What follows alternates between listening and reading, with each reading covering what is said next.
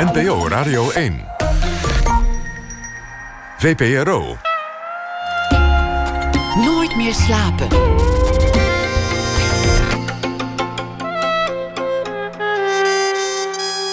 Met Pieter van der Wielen. Goedenacht en welkom bij Nooit meer slapen. Ella komt langs, zangeres Ella van der Woude, Nederlands-Zwitser zangeres. Na ene, ze is al een tijdje solo-artiest, maar bekend geworden met onder meer de band Houses en Amber Arcades. Ze heeft een nieuwe EP. Schrijver Katelijn Schilder zal deze week elke nacht het logboek voor ons bijhouden en de voorbije dag beschrijven met een verhaal. Maar we beginnen met Huub van der Lubbe, vooral bekend als frontman van de Dijk. Een baan die hij al meer dan drie decennia met verve uitvoert. Daarnaast is er ook nog altijd uh, tijd voor andere projecten. En dat is bijvoorbeeld de voorstelling Wij hadden wapens, wij hadden liefde, naar het boek van Christine Otte. Een muziektheatervoorstelling over de burgerrechtenactivist Robert Franklin Williams en zijn zoon. Franklin Williams was schrijver van het boek Negroes with Guns in de jaren 60. En zijn missie was om in Monroe, North Carolina, begin jaren 60 de zwarte bevolking van wapens en schietcursussen te voorzien, zodat ze zich zouden kunnen verdedigen tegen lynchpartijen van onder meer de Ku Klux Klan. Van der Lubbe speelt in de, de voorstelling meerdere rollen, zowel blanke als zwarte personages. Ook doen mee Manoushka Zegelaar-Breedveld en Cham Rosi en andere artiesten. De première is volgende week vrijdag in de Schouwburg in Amsterdam. Huub van der Lubbe is geboren in 1953, is zanger, acteur en liedschrijver. Huub van der Lubbe, hartelijk welkom. Hoi, dag. We hoorden net in het, in het nieuws dat, eh, dat weer een man op de maan is uh, overleden. Of een man die op de maan heeft gestaan. Binnenkort leeft er niemand meer die nog op de maan is geweest. Dan, dan is er iets wat, van, wat in jouw jeugd groot moet zijn geweest, alweer helemaal verleden tijd. Ja, ja dan zijn we weer terug bij uh, Af. wat het was. Een, uh, een bol die daar hangt waar je over kan fantaseren. Dat moet de tijd zijn geweest dat jij jong was. Als je bent geboren in 53, dan, dan, dan ben je opgegroeid met, uh, met de Beatles en de Stones en, en Otis Redding en, en Solomon Burke. Ja, en, ja, ja. en, en nou, de, de maanreizen. Ja, nou, dat was. Natuurlijk, dat heb ik wel meegekregen. Maar ja, dat was zeg maar vanaf mijn twaalfde, dertiende.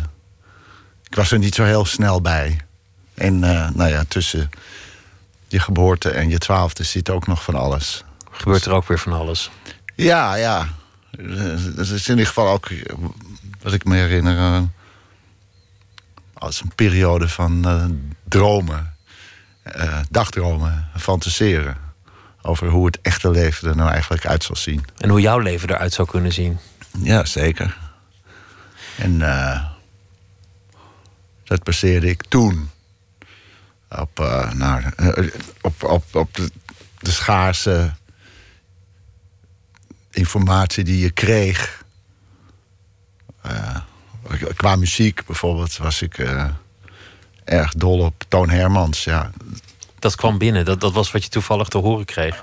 ja, we hadden, we hadden geloof ik vier singeltjes thuis. En, en, en, drie daarvan waren van Toon Hermans. Dus al, dat was alleen al een reden om hem de beste zanger ooit te vinden.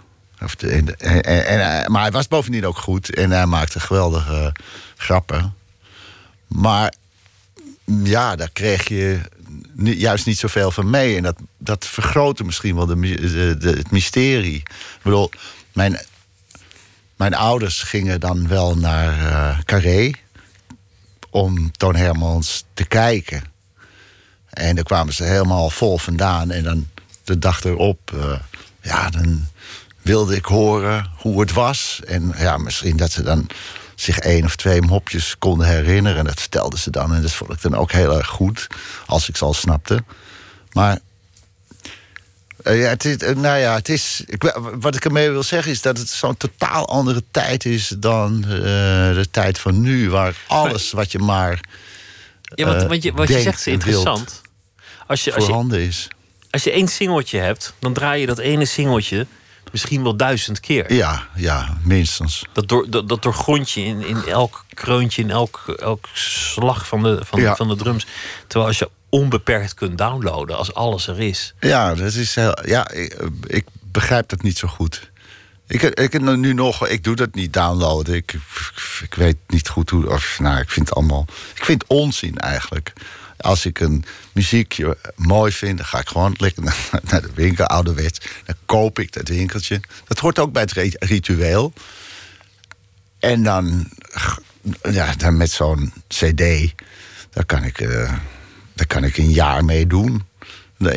Ik draai ook niet continu muziek. Ik, maar dat is dan voor een jaar of langer. Waarschijnlijk voor de, nee, dat blijft dan voor de rest van. Als het werkelijk aanslaat voor de rest van mijn leven, is dat een van mijn CD's die ertoe doen. En uh, nou, zo koop ik er per jaar misschien. Nou, wat zult er zijn? Twintig. Nou, dat zijn belangrijke dingen. Maar ik, ik, ik, ja, ik weet mensen die hebben. Ja, die hebben 30.000 liedjes op hun iPod staan. Ik zeg, hoe, hoe, hoe, moet een mens dat luisteren? En wat moet je daar nog mee? Maar, maar je zei, ik fantaseerde veel als kind. Dus die, die weinige dingen die je had, die werden heel groot. Want je moest het daar maar mee doen. Ja. Maar je was, je was ook een ziekelijk kind. Je, had, je had jeugdreuma, geloof ik? Ja, nou, ik was, ja, maar ik, ik was helemaal niet ziekelijk. Maar dat heb ik een keer opgelopen, ja. Oh, dat was eenmalig? Ja, ja, ja. Dat was een soort verwaarloosde oorontsteking, heb ik wel begrepen dat dat was. En, en ja, ik was vijf en ik, deed niks liever dan buiten rafot op straat. In de Vloorstraat in, in Amsterdam-West. En, en, wij woonden drie hoog. Dus uh, eigenlijk was de procedure dat uh, als je iets nodig had van boven... of als je moest plassen of uh, dorst had, dan belde je aan... En, en dan moest je helemaal naar boven. En als het om de step ging, dan moest mijn moeder helemaal naar beneden komen met die step. En dan, ja, uh, we, waren toen met vier kinderen. Dus ja, dat was allemaal een beetje, dat was niet zo handig. En uh, dus uh, als je dorst had, ik dronk gewoon uit de plassen die er op straat waren. En dat is waarschijnlijk niet zo goed geweest. Om, en niet zo verstandig. Dus nou ja, in ieder geval, ik, had, ik, heb, ik heb een, half, een klein halfjaartje in het ziekenhuis gelegen met jeugdreuma, ja. En, maar dat is ook weer, dan ben je ook weer... Aangewezen op weinig. Ja, van alles uh, verstoken. Dus als er dan een Donald Duck is, nou, die ken je dan wel helemaal uit je hoofd. En dan kan je, uh, ja, ik kon nog niet lezen, maar je gaat toch wel op zoek naar de naar de magie van die tekentjes die er staat. En wat, als mijn vader hem voorleest, dan staan daar verhalen. En, en, en nou ja, hoe kan ik uit die hieroglyphen ook een verhaal maken? Nou, dan maar zelf een beetje fantaseren. Dus, dus juist dat er weinig was, maakt dat je fantaseerde en ook over je eigen bestaan je afvroeg: hoe zal het zijn? Wie, wie zal ik later worden? Wat zou ik kunnen worden? welke mogelijkheden heb ik? Waren je ouders daarin een inspiratie? Keek, je naar je vader en je moeder en dacht: zo wil ik ook worden, of, of juist niet? Uh, nou, mijn uh, vader en moeder hadden ook een hele uh, artistieke kant. Een, een, een, en dat vond ik meteen ook de, de vrolijke kant of de fijne kant. Um, ze deden allebei aan toneel, amateurtoneel daar hebben ze elkaar ook ontmoet. Dus toneel was bij ons thuis, ja, dat was ook iets. Dan, dan werden hun harten licht als ze het daarover hadden. Dan werden het sprankelender mensen dan wanneer ze naar hun echte baan gingen. Ja, wanneer mijn vader naar zijn kantoorbaan moest, dan, dan was hij een kantoorman. Maar ik zag hem veel liever uh, op toneel. Daar vond ik hem wel uh, veel zwieriger. Een beetje flirten met de dames. En, uh, ja, dat ik denk, ik dacht van waarom doe je dat niet de hele tijd? Dus dat zat er bij mij al vrij snel in van nou, je kan een echte baan nemen. Of je kan het zoeken in de, meer in de artistieke hoek en dan heb je meer plezier. Dan kun je meer gedaantes aannemen, kun je vrijer zijn. Die associatie zat, zat, er wel in. Had je zelf dan ook meteen de behoefte om op een podium te gaan als kind? Waren daar mogelijkheden toe? Nou, de mogelijkheden waren er. Nee, ja, nee, die zijn er niet zo. Die waren er niet zo. Maar ik zag wel mijn kans schoon.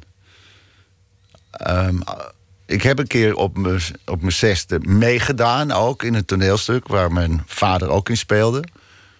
Dat was het toneelstuk mijn zoons van uh, Arthur Miller. Prachtig stuk. Ik heb het later nog een paar keer teruggezien, maar dat is echt een geweldig stuk.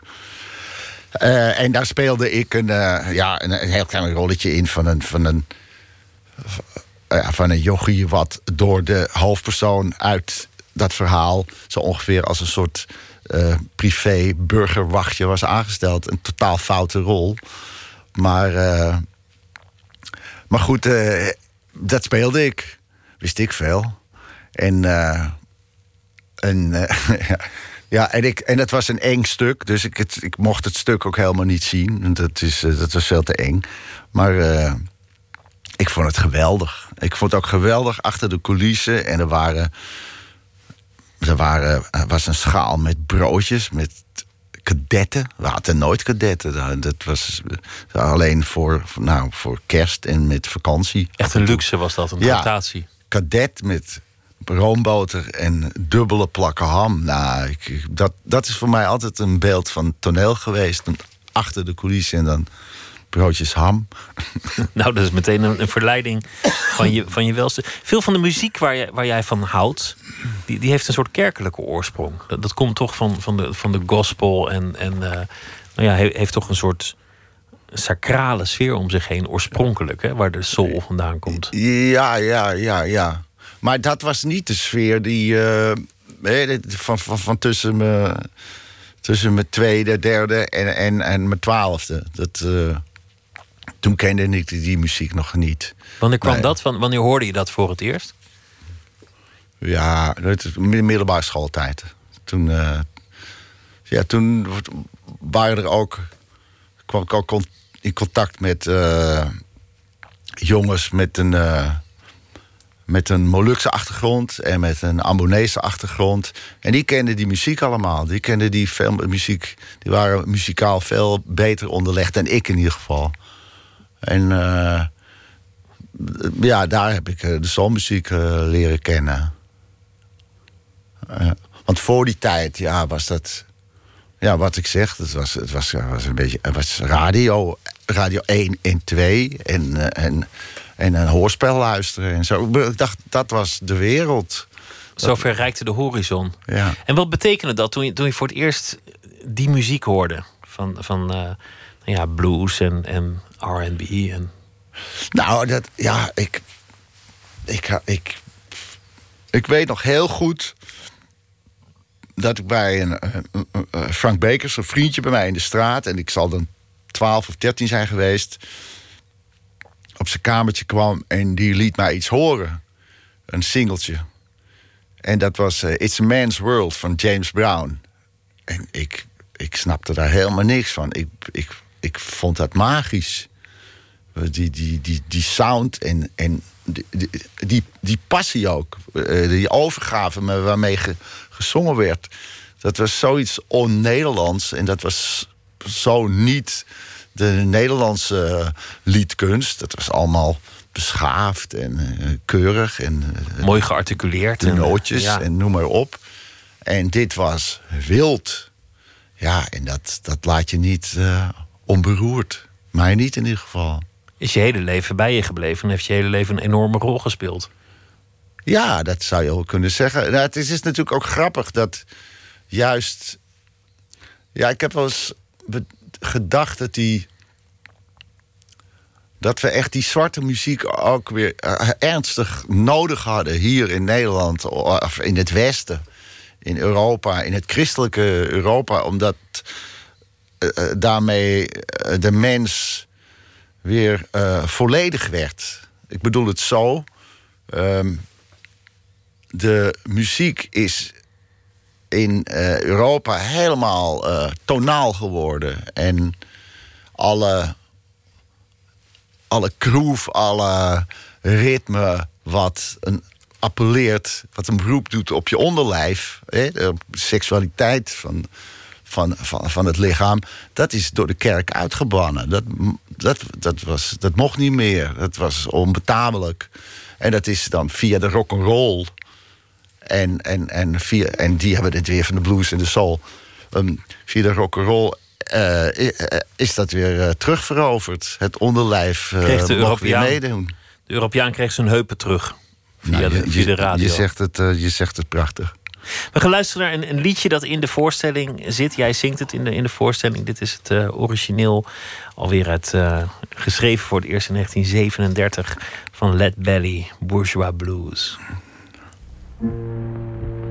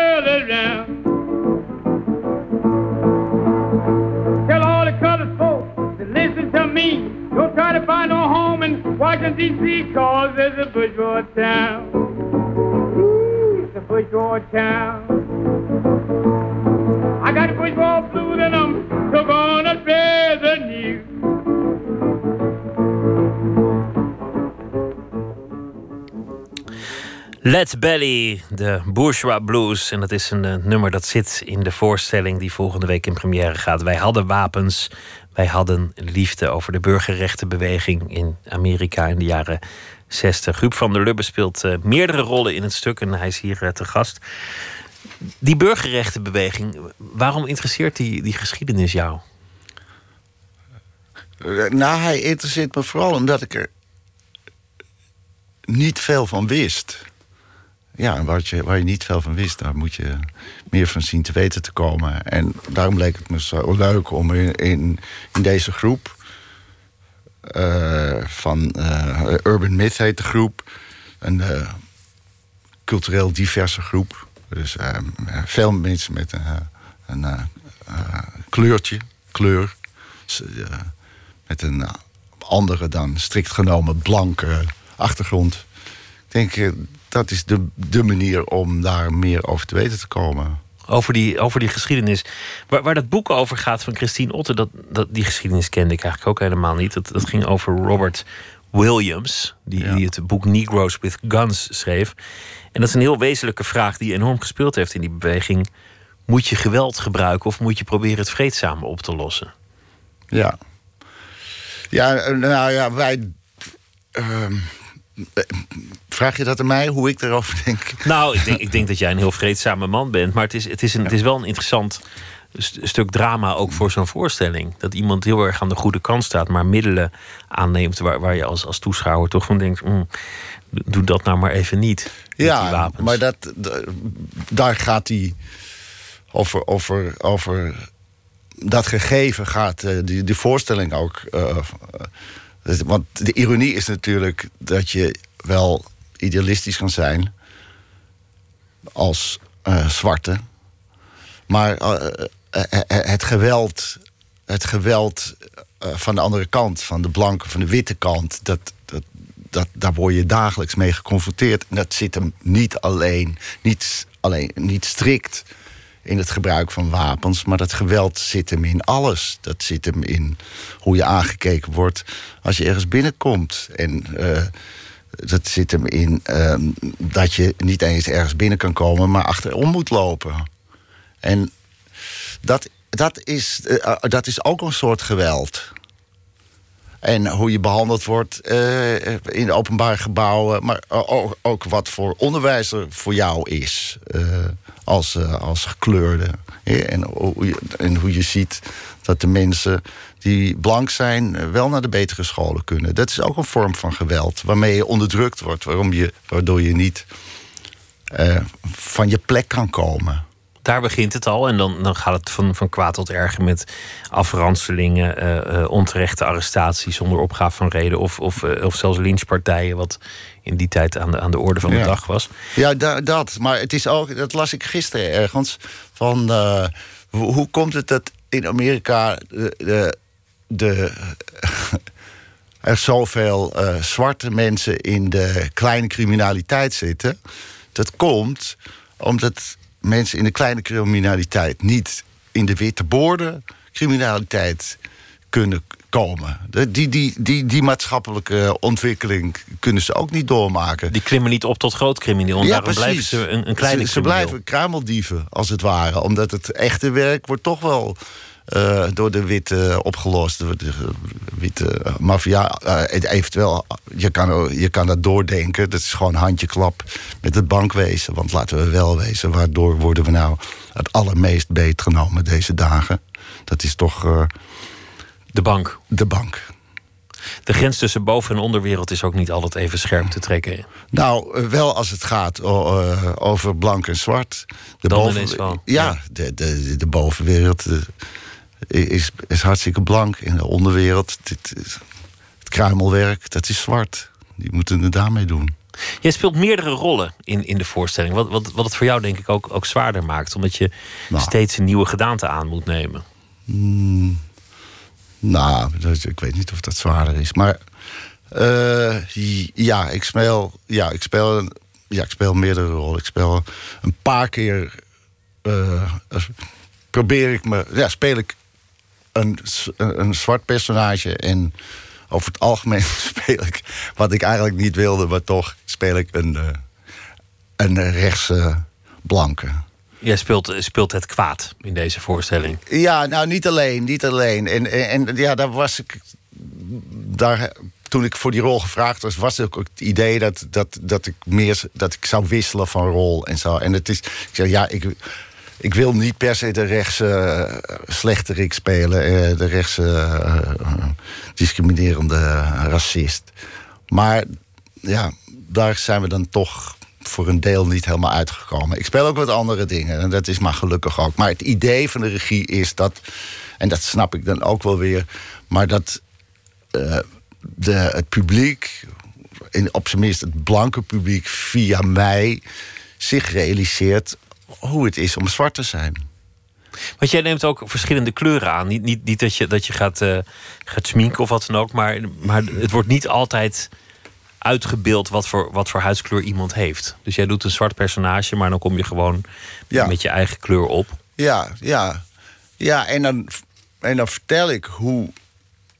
Dan vertel ik hoe het is om, om zwart te zijn. En eh, vlak daarvoor heeft Mandela datzelfde verhaal verteld. En ja, we hebben dat bij de repetitie een keer uitgeprobeerd zo. Mandela vertelt het verhaal hoe het is om zwart te zijn. En je denkt, ja, ja, ja, ja, ja, ja. Oké.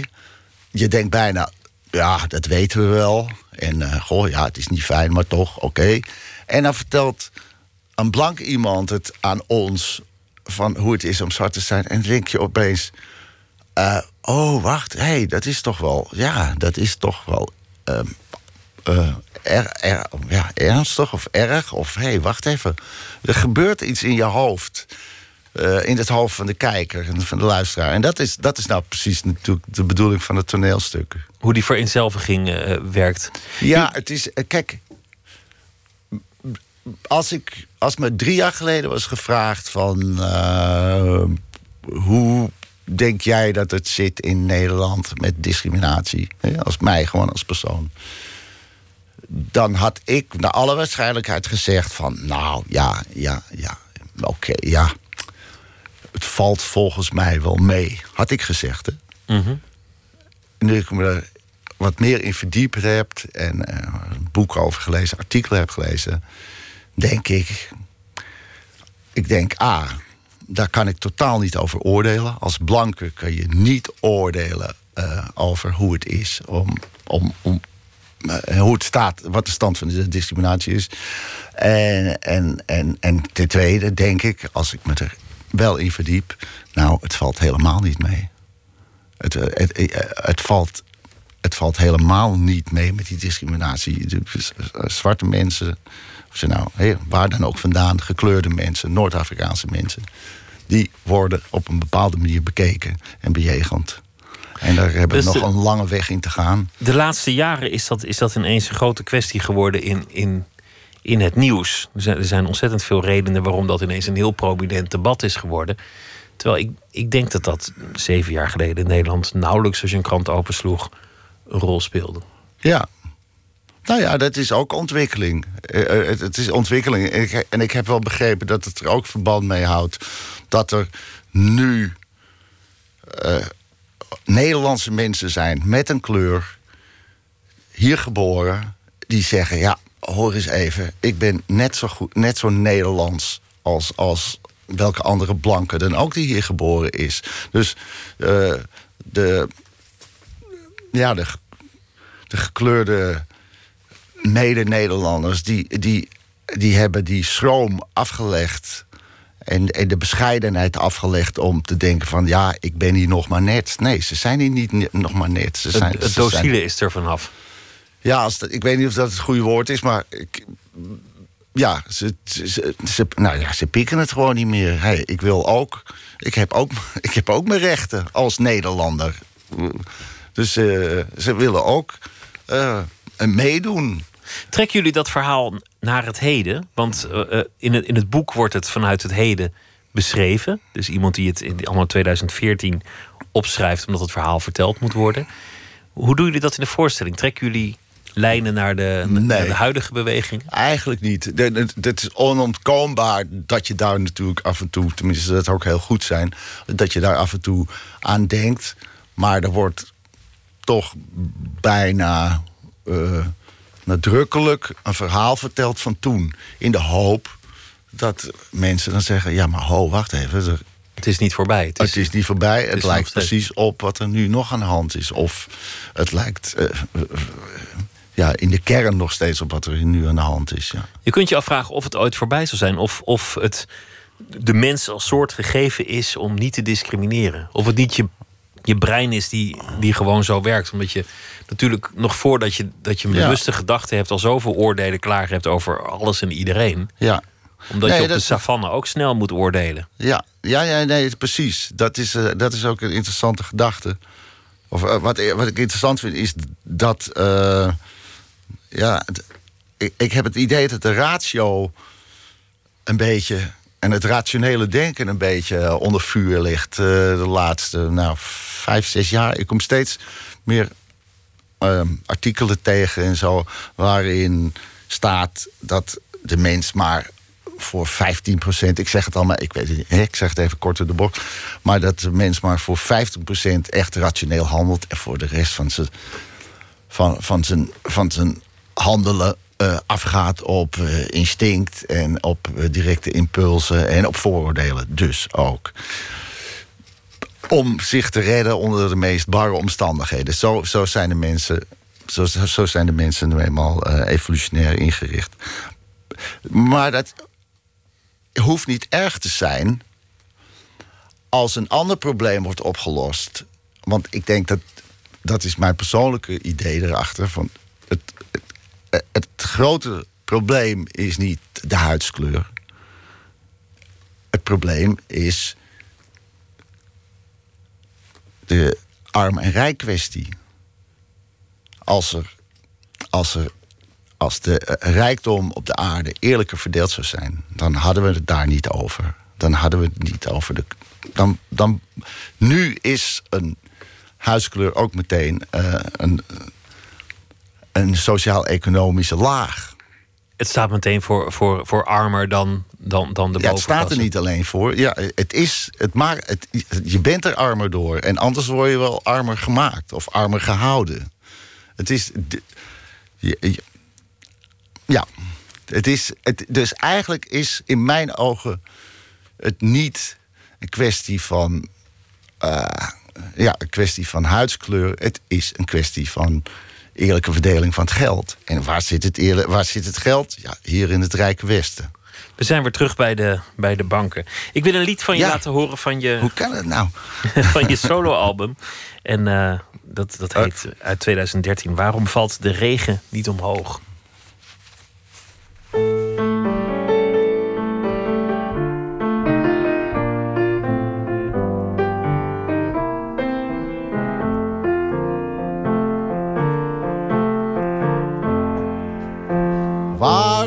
Valt de regen niet omhoog?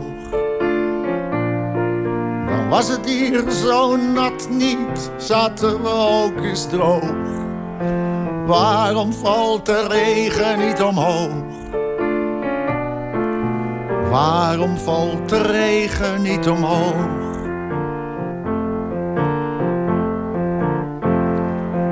Kan dat nou echt niet anders?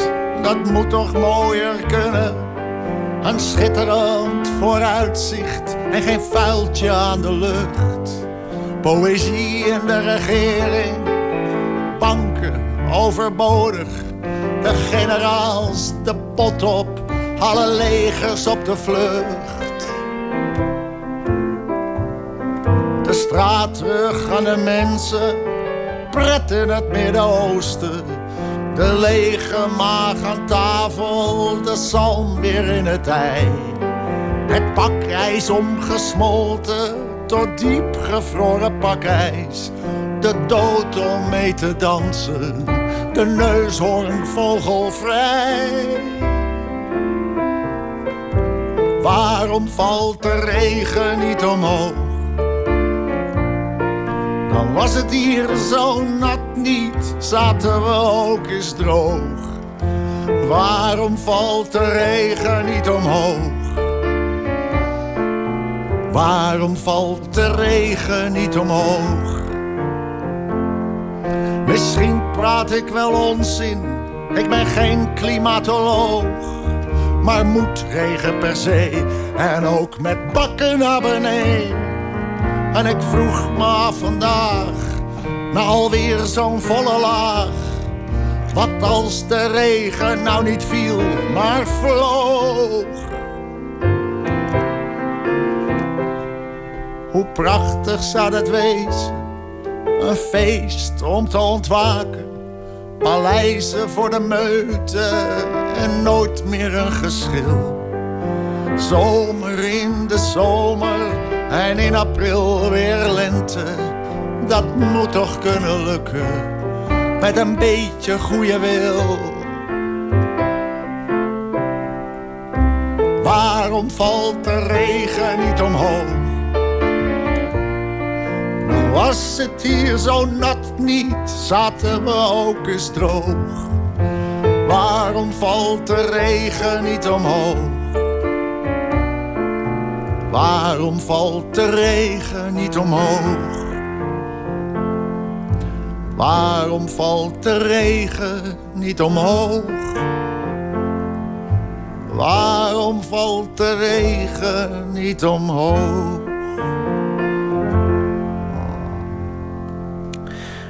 Huub van der Lubbe, waarom valt de regen niet omhoog? Een lied over dromen en idealisme en het eh, niet zomaar accepteren van, nou ja, zo is het nou eenmaal, jongen.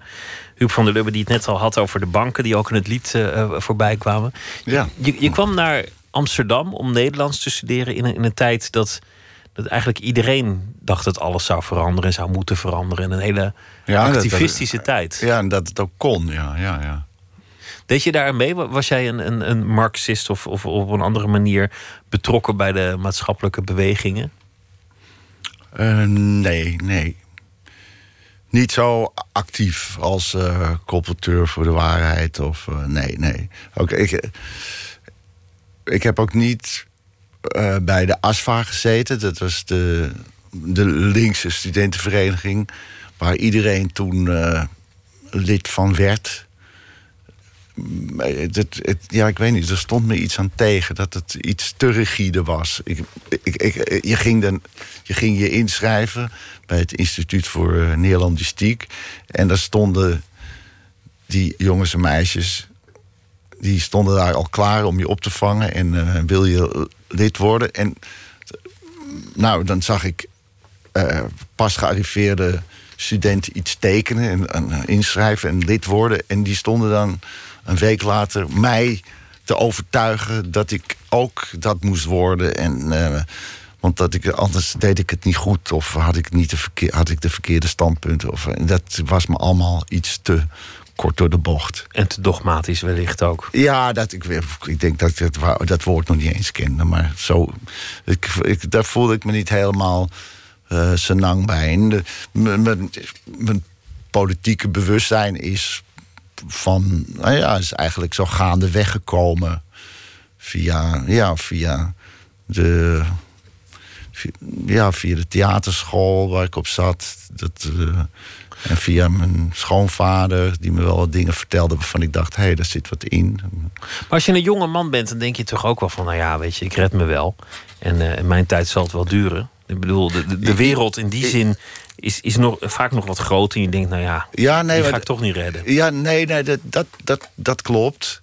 Nee, maar er was voor mij wel een heel belangrijk moment. Eh, ik zat ook eh, aanvankelijk, eh, toen ik Nederlands studeerde, zat ik bij de, bij, de CREA, een, een toneelvereniging. En we deden daar een, met een grote groep studenten deden we een toneelstuk van Peter Weiss. Dat was het toneelstuk Marade Sade. De hele titel is De vervolging op en een moord. Nee, de vervolging van en de moord op eh Marat.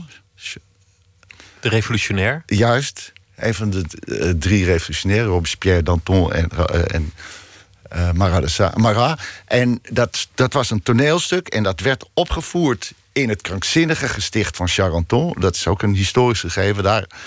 En in dat kra- krankzinnige gest- gesticht zat ook Mar Marquise de Sade. En die deed inderdaad, dat is allemaal historisch... die voerde daar met de krankzinnige toneelstukjes op. En dan kwam de, de, de, de fine fleur uit Parijs, die kwam kijken. Die vonden dat heel interessant om dan om, om dan gekken aan het, een voorstelling te zien doen. En dat er, nou, Mar- Marquise de Sade, de Marquise de Sade, die, die regisseerde die toneelstukken, die zetten die in elkaar. Nou, dat historisch ge- gegeven heeft eh, Peter Weiss gebruikt om een toneelstuk te maken over idealen van de revolutie en hoe die sneven door, ja, nou, door de elke door, door alle omstandigheden die dan ook, om, die dan ook komen kijken. Dus uh, morgend volk en, uh, en uh, contra-revolutionaire krachten, et cetera, et cetera. Nou, de grap was dat bij het, bij, het werken aan het toneelstuk, met die repetities en zo waren studenten vanuit allerlei disciplines betrokken. Dus ook filosofie-studenten en geschiedenisstudenten en nou, uh, psychologie-studenten. Psychologie die vanuit je eigen discipline kon je allerlei dingen inbrengen, van opvattingen inbrengen en, en, en, en wetenswaardigheden inbrengen. Nou, fijn. Ik weet nog heel goed. Nu kom ik terug op je vraag of op je opmerking. Ik weet nog heel goed dat we na afloop een keer. Um, in een café stonden te kletsen. En ik praatte met uh, Paul Kobbe. eh, Paul Kobbe, eh, die was filosofiestudent, is inmiddels gepensioneerd hoogleraar filosofie in, in Tilburg. Mm. En Paul Kobbe die zei tegen mij, hij speelde Marat en ik speelde de Sade. En die zei tegen mij, ja, Huub, hoe vind jij eigenlijk dat het gaat met de wereld? En ik zei, ja, nou, uh, ja, ja, loopt wel. ja, gaat wel goed. En ik zag in zijn gezicht er iets gebeuren van, oh jee. En dat heeft mij aan het denken gezegd. Want uh, ik weet, uh, dat was eigenlijk het moment dat ik me realiseerde... ja, als ik het over de wereld heb, heb ik het alleen maar over mezelf... en over mijn eigen wereld, mijn eigen onmiddellijke omgeving. En de rest van de wereld telt niet eens mee in mijn denken. En aan zijn blik, aan zijn reactie zag ik, of daarin uit begreep ik van shit, ik moet, ik moet ook aan de. Paul denkt, als hij zo'n vraag stelt, aan de rest van de wereld. En dan is het helemaal niet zo rooskleurig allemaal. Want het was natuurlijk alle gesodemieter. Dat is niet van vandaag of gisteren, was toen ook al aan de hand. Maar ja, dat, aan de andere kant, je kunt ook niet al het leed van de wereld op je schouders nemen. Nee, en dat moet je dan ook weer leren. Moet je weer afleren. Ja, dan moet je. Ja, dus dat, ja, dus dat gaat ook in, in, in dat gaat ook in fasen. En natuurlijk. Uh, Maakt het uit als je kinderen krijgt? Want, want ja, dan, dan, dan, ik wou het net zeggen. Ja, want dan, dan, maakt het je uit natuurlijk hoe de toekomst er voorbij je eigen leven uit gaat zien. Dat, dat, maar het leert je ook je te beperken. Tenminste, zo is het mij vergaan. Ik was, ik was tot ik uh, onze dochter kreeg, Mira, was ik uh, somberder en zwaarder op de hand dan uh, toen er ja, nieuw leven kwam in, mijn, ja, in, in ons gezin. Toen wist ik ook van. Nou ja, nee, wat ik toen wist, dit ga ik in mijn eentje niet redden. Deze hele wereld eventjes uh, ideaal maken voor iedereen. Uh, laten we nou maar eens beperken tot ons kleine kringetje en zorgen dat dat goed komt. En dan heb je al heel wat gedaan. Nou, precies. Hoe, hoe verandert dat verder? Want je, je, je was toen al muzikant. En dat, dat werd serieuzer en serieuzer, want die, die carrière liep goed. Maar het is natuurlijk een, toch een soort gespleten eh, bestaan. Met een, met een bandje in een busje naar een zaal in het land en, de, en daar een, een, een, dampend concert geven. En dan thuis een gezin hebben zitten. Dat is, ja, nou, is dat, een gespleten bestaan? Nee, helemaal niet. Dat, eh, dat, dat, ja, het zijn zo van die rock'n'roll fabeltjes, weet je dat je ook... Uh... Het is gewoon werk en je komt gewoon thuis en je gaat gewoon van huis. Nou, het is heel fantastisch werk. Dus uh, je komt blij thuis en uh, ja, en je, en je hebt, ja, je straalt voldoening uit. Nou, wat, en, en dat je plezier hebt in je werk. Dus ja, je kind denkt, dat wil ik ook. Zo lekker, zo'n zo, zo fijn vak hebben. Ja, ik... Het, het, het zijn van die, van die ja, ik, ja, ik vind het uh, rock'n'roll uh, fabeltjes, weet je wel. Dat je de hele... Een beetje een, een, cliché. Nou ja, maar misschien omdat je toch dat je, dat je verantwoordelijkheden hebt en, en je bestaan toch wel ja, maar dat heb je als... meer vergt. Ja, maar dat, het juist ook werkt, dat, dat je muziek daardoor ook meer, meer uh, concentratie krijgt. Ja, maar je, je, hebt als muzikant ook zijn verantwoordelijkheden. Voor je, voor, voor, je, voor je band, voor, je, voor de muziek die je maakt, voor je publiek. Ja, ja, wij liggen de hele dag maar in bed en te roken, te drinken, te blowen en noem maar op. Ja, mm, dat kan, maar het is, het is natuurlijk ook stom vervelend. Je kan beter mooie muziek maken. En dat is een, dat is een, dat is een hele, ik wou bijna zeggen, dat is een hele heilige zaak. Dat is. Uh, om het goed te doen en, en, en ja, goed muziek, te blijven daar moet, je, daar, moet je, daar moet je niet uh, geringschattigd over denken. Dat is een, ja, dat is bijna, ja, dat is een bijna een gewijd ding. Dat je dat mag doen. Dan moet je met volle overgave en met al inzet van al je kunnen doen. En als je daar, als je daar, als je daar slor, of, ja, sloppy in bent, dan denk ik van, ah, wat maakt het uit, vindt toch wel mooi. Dan moet je, ja, dan, moet je, dan moet je ermee kappen, dan, moet je het gewoon niet doen. Onmiddellijk mee ophouden er was een moment, er werd een film gemaakt door, eh, door Susanne Raas over jullie samenwerking met, met uh, Solomon Burke. Alweer een jaar of zes geleden was dat. Uh, vijf, vijf jaar geleden kwam, kwam die film. Aan het begin van die film zit, zit een dramatisch moment. Jullie, jullie hebben een jubileum. 30 jaar alweer. En bij jou is de twijfel toegeslagen. Wil, wil ik dit echt nog blijven doen? Ga ik hier nog mee door? Hoe, hoe vaak gaan we dit clubcircuit nog afreizen met z'n allen? Hoe houden we dit spannend? Ja. Hoe serieus was die twijfel? Ja, die was heel serieus. En dat, maar dat is. Dat, ik weet niet of dat ook in de film zat, maar de, de, de reacties van de, van de andere jongens waren ook een beetje in de trant van. Maar dan heb je, heb je hem weer. Nou ja, J.P. Meijers die noemde jou, een, een, een, de gitarist, die noemde jou een ongelofelijke lul dat je, het, dat je het zelfs maar uit je, uit je mond kreeg. Ja, ja, nou ja, goed, dat is, je, dat ja. is JB's manier van het zeggen. Maar ik vind het een terechte vraag. Als je denkt van, ja, we maken het een beetje te makkelijk voor onszelf. We, we, we draaien ons kunstje af. Dan vind ik het een volstrekt terechte vraag uh, of opmerking om te zeggen: ja, jongens, waar zijn we mee bezig? Zijn we nog wel goed bezig? Halen we wel het uiterste eruit? Maar, maar was dat aan de hand dat het gemakzuchtig werd? Nee, toch? Nou ja, nou ja, kennelijk had ik dat gevoel wel. Oh, en, en het, nou, het was niet alleen gemakzuchtig, maar het had ook met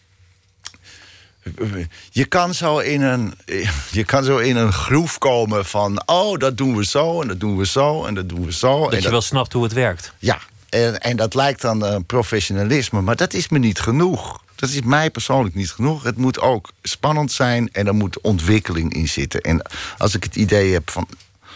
ja, uh, wat ik nu vanavond heb gedaan... Uh, dat deed ik het een jaar geleden ook al zo. En, en anderhalf jaar geleden ook. En twee jaar misschien ook al zo. Dan, ja, dan gaat het jasje knellen. Dan wil ik, dan wil ik misschien wel wat anders. Of ik denk dan steeds van ja. Kunnen we dit niet anders doen? Kunnen we dat, en kunnen we dat niet leuker maken voor onszelf? En dan moet je nog oppassen ook dat je ook niet gaat denken... nou, ik weet het, als ik het helemaal zelf mag bepalen...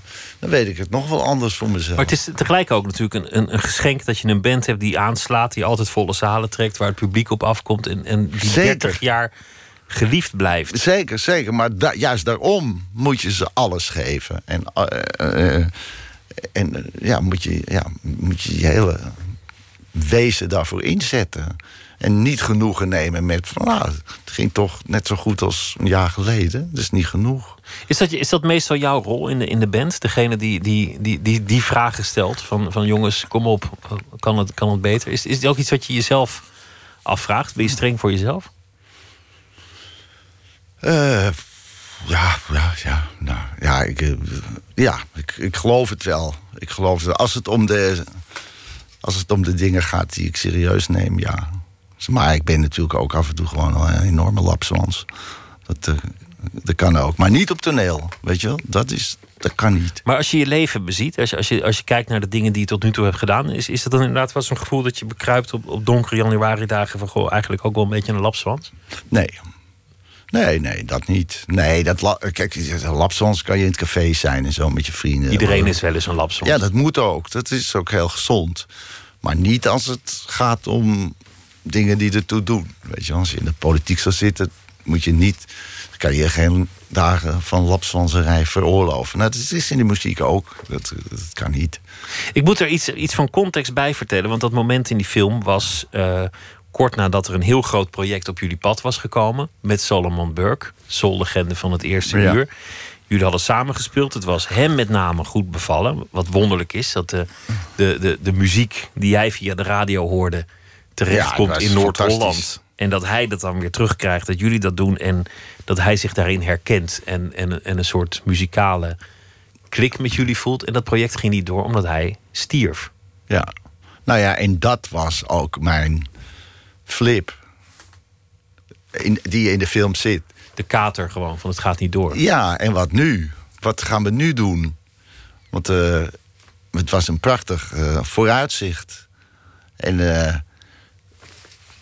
en, en, en ja, en uh, toen, toen, toen wist ik het even niet. En dat opperde ik. Jongens, wat gaan we nu doen? Ik, als we nu weer gewoon gaan doen wat we altijd deden, of, uh, dan, dan weet ik het niet. Ja, nee.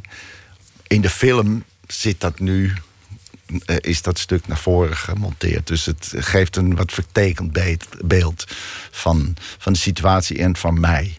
Maar goed, ik. Zo uh, wat. Gelukkig is er ook tijd om, om af en toe andere dingen te doen. Jullie hebben ook een sabbatical genomen als, als band, wat, wat, wat waarschijnlijk heel gezond is. En dan is er ruimte om een keer een soloplaat te maken, om, om, om een keer te acteren. Ja. Heb, heb je nog meer ambities? Zijn er eigenlijk nog meer plannen waarvan je denkt, ja, die, die moet ik nu langzaamaan wel gaan doen? Anders komt het er nooit meer van. Hmm, nou ja, ik, ik, ik heb mazzel. Weet je, want er komt veel op mijn pad. Uh, ja, er wordt wel eens gevraagd voor filmpjes of voor televisie. En, uh, en dus ja, ik heb er puur ontzettende mazzel. Ik kan kiezen. Wat we nu gaan doen met de dijk is. Dat is niet iets persoonlijks, maar dat is nieuw voor ons. We gaan uh, vanaf april gaan wij tot de zomer in theaters optreden. En dat hebben wij nou nog hebben één keertje zo geoefend, maar nu gaan we het echt doen met uh, speciaal voor het uh, theater geschreven arrangementen. Dus veelal oude, wat onbekendere liedjes die we opnieuw bewerkt hebben. Met het oog op het feit dat we ze in het theater brengen. En dat de mensen daar dus niet staan, maar zitten en hun mond houden. Dat is voorwaarde. niet meezingen, kop dicht. Laat ons nu eens eventjes echt laten horen wat we kunnen. En uh, nou ja, daar, daar, daar, daar, verheug ik me op. Daar verheugen we ons allemaal op. Want dat is dan ook weer iets voor ons, ook nieuw en spannend. Want, ja, want de dijk is toch, toch meestal van, van uh, nou ja, de, de, de dampende zalen ja, met precies. de beslagen ruiten. Ja, precies. En dat, dat, dat, gaan we, dat blijven we ook doen. Maar nu.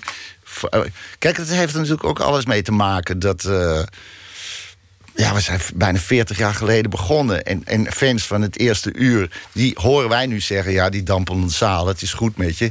Je, ziet ons daar niet meer in die feesttenten uh, op, op een grasland. Het, uh, we wachten wel tot jullie in het theater staan. En zeiden wij, ja, dat doen we nu helemaal niet. We gaan het nu wel doen. We gaan het nu wel doen. We gaan dat, uh, ja, met een, met een speciaal daarvoor gemaakt programma. Wat Groef gaat heten. En mooie aankleding is de bedoeling. En nou, daar zijn we over aan het nadenken. En uh, dat, nou, dat is weer nieuw. Dat, dat inspireert. Wij moeten ook anders daarvan spelen. We moeten nou. We hoeven nergens meer overheen te komen. We moeten ons nou. we gaan ons inhouden. Nou, dat. Dat valt nog. Ja, ik. Het is weer een heel nieuw, heel nieuw, uh, nieuw ding. Het is eigenlijk ook wel maf dat je, dat je begint met een band die, die aanslaat. En dat, en dat je dan inderdaad.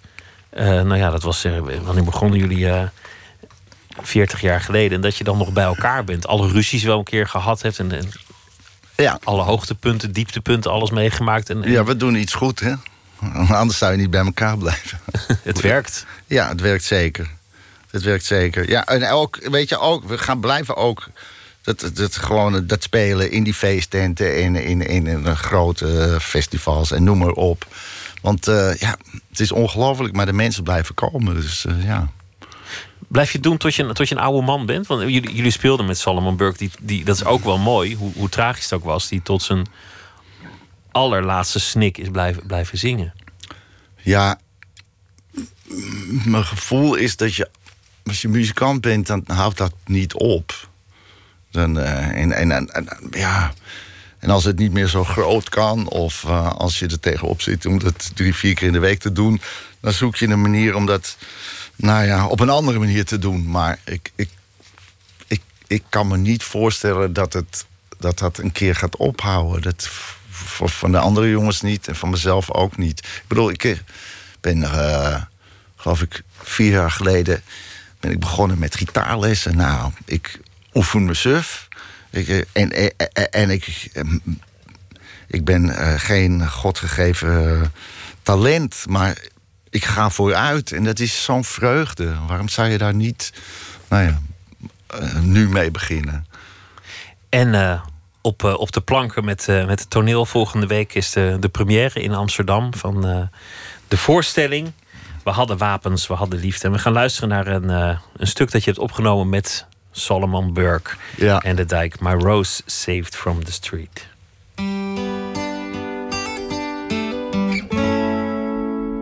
See how she loves the eyes she catches, and the wind just blew her mind.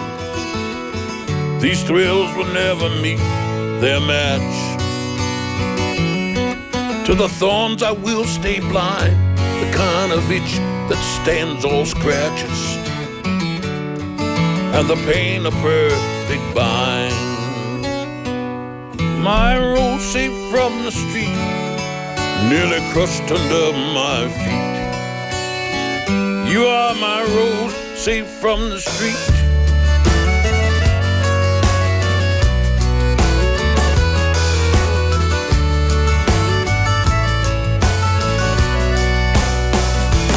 It all happened unexpected the night that I came down. I felt somehow we didn't connect. From the dirty part of town, you were smiling without acting. The way you wore that crooked crown. My road safe from the street.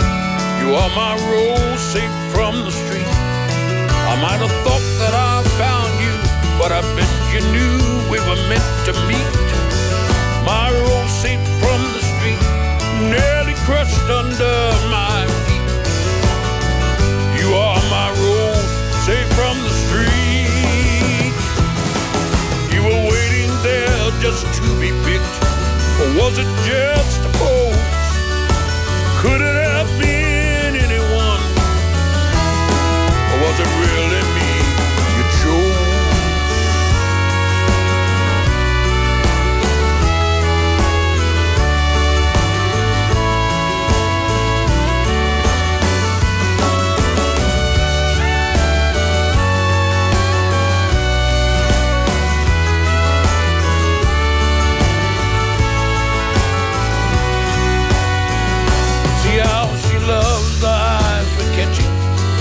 like the winds just blew our minds.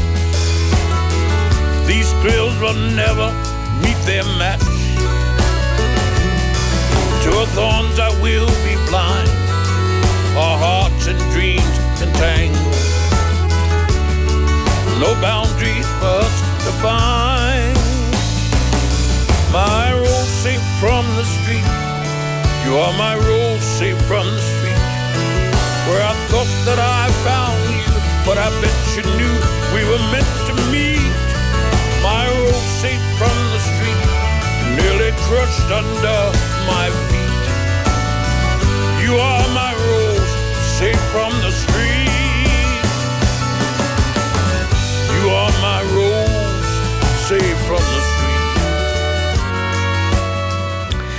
De Dijk en Solomon Burke samen. My Rose Saved from the Street. Huub van der Lubbe, dankjewel. Was leuk dat je te gast wilde zijn. Graag gedaan. Dankjewel, Piet. Zometeen gaan we verder. Twitter, het VPRO NMS. We zitten op Facebook. En we hebben een podcast via de website van de VPRO. VPRO.nl slash nooit meer slapen. Op Radio 1.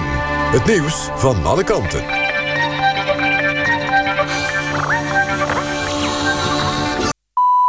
Het is 1 uur, dit is Jeroen Tjepkema met het NOS Journaal. De dader van de dodelijke schietpartij in een nachtclub in Istanbul is opgepakt, melden Turkse media. De Oezbeek Masharipov werd samen met zijn zoontje van vier gearresteerd... bij een politieinval in een huis in een verre buitenwijk van Istanbul. Bij de aanslag tijdens de nacht van de Oud Nieuw vielen 39 doden. De Turkse krant Hurriyet meldt dat Masharipov zich heeft verzet bij zijn arrestatie. Volgens zender NTV verbleef hij bij een vriend die afkomstig is uit Kirgizië. De vriend en drie anderen zouden ook zijn gearresteerd. Het vierjarige zoontje is onder toezicht geplaatst. De politie zou al vijf dagen op de hoogte zijn geweest van de schuilplaats... maar wilde eerst ontdekken met wie Masharipov in contact stond. Sylvana Simons heeft de kandidatenlijst bekendgemaakt... van haar nieuwe partij Artikel 1. Ze presenteerde in RTL Late Night een lijst met 20 namen. Simons is zelf lijsttrekker en op de tweede plaats staat Fatima Faid... gemeenteraadslid voor de Haagse Stadspartij... Op drie staat journaliste Brigitte Sins. Ook schrijfsters Simone van Saarloos en Anja Meulenbelt staan op de lijst. Simons wilde aanvankelijk voor Denk in de Tweede Kamer komen... maar volgens haar kwamen haar idealen bij Denk niet genoeg tot hun recht. Bovendien was ze teleurgesteld in de manier waarop de partij met haar omging na bedreigingen. Louis van Gaal denkt dat Manchester United zijn laatste klus als trainer is geweest. Hij deed zijn uitspraak tijdens een gala in Scheveningen. Van Gaal zei ook dat hij eigenlijk al na het WK in 2014 wilde stoppen... maar toen kwam Manchester United. En omdat hij nog nooit in Engeland had gewerkt... wilde hij dat nog graag meemaken. Hij werd er eind vorig seizoen ontslagen. Van Gaal, die nu 65 is, gooit de deur toch nog niet helemaal dicht. Als er komend jaar nog een mooi aanbod komt, zal hij dat zeker overwegen. Laatst sloeg hij een aanbod uit China af. Het weer. Vannacht zijn er opklaringen. In het binnenland wordt het lokaal min 8. Aan zee vriest het een graad of 2. Overdag enkele wolkenvelden. De temperatuur ligt dan rond het vriespunt. Dit was het NOS Journaal. NPO Radio 1. VPRO. Nooit meer slapen.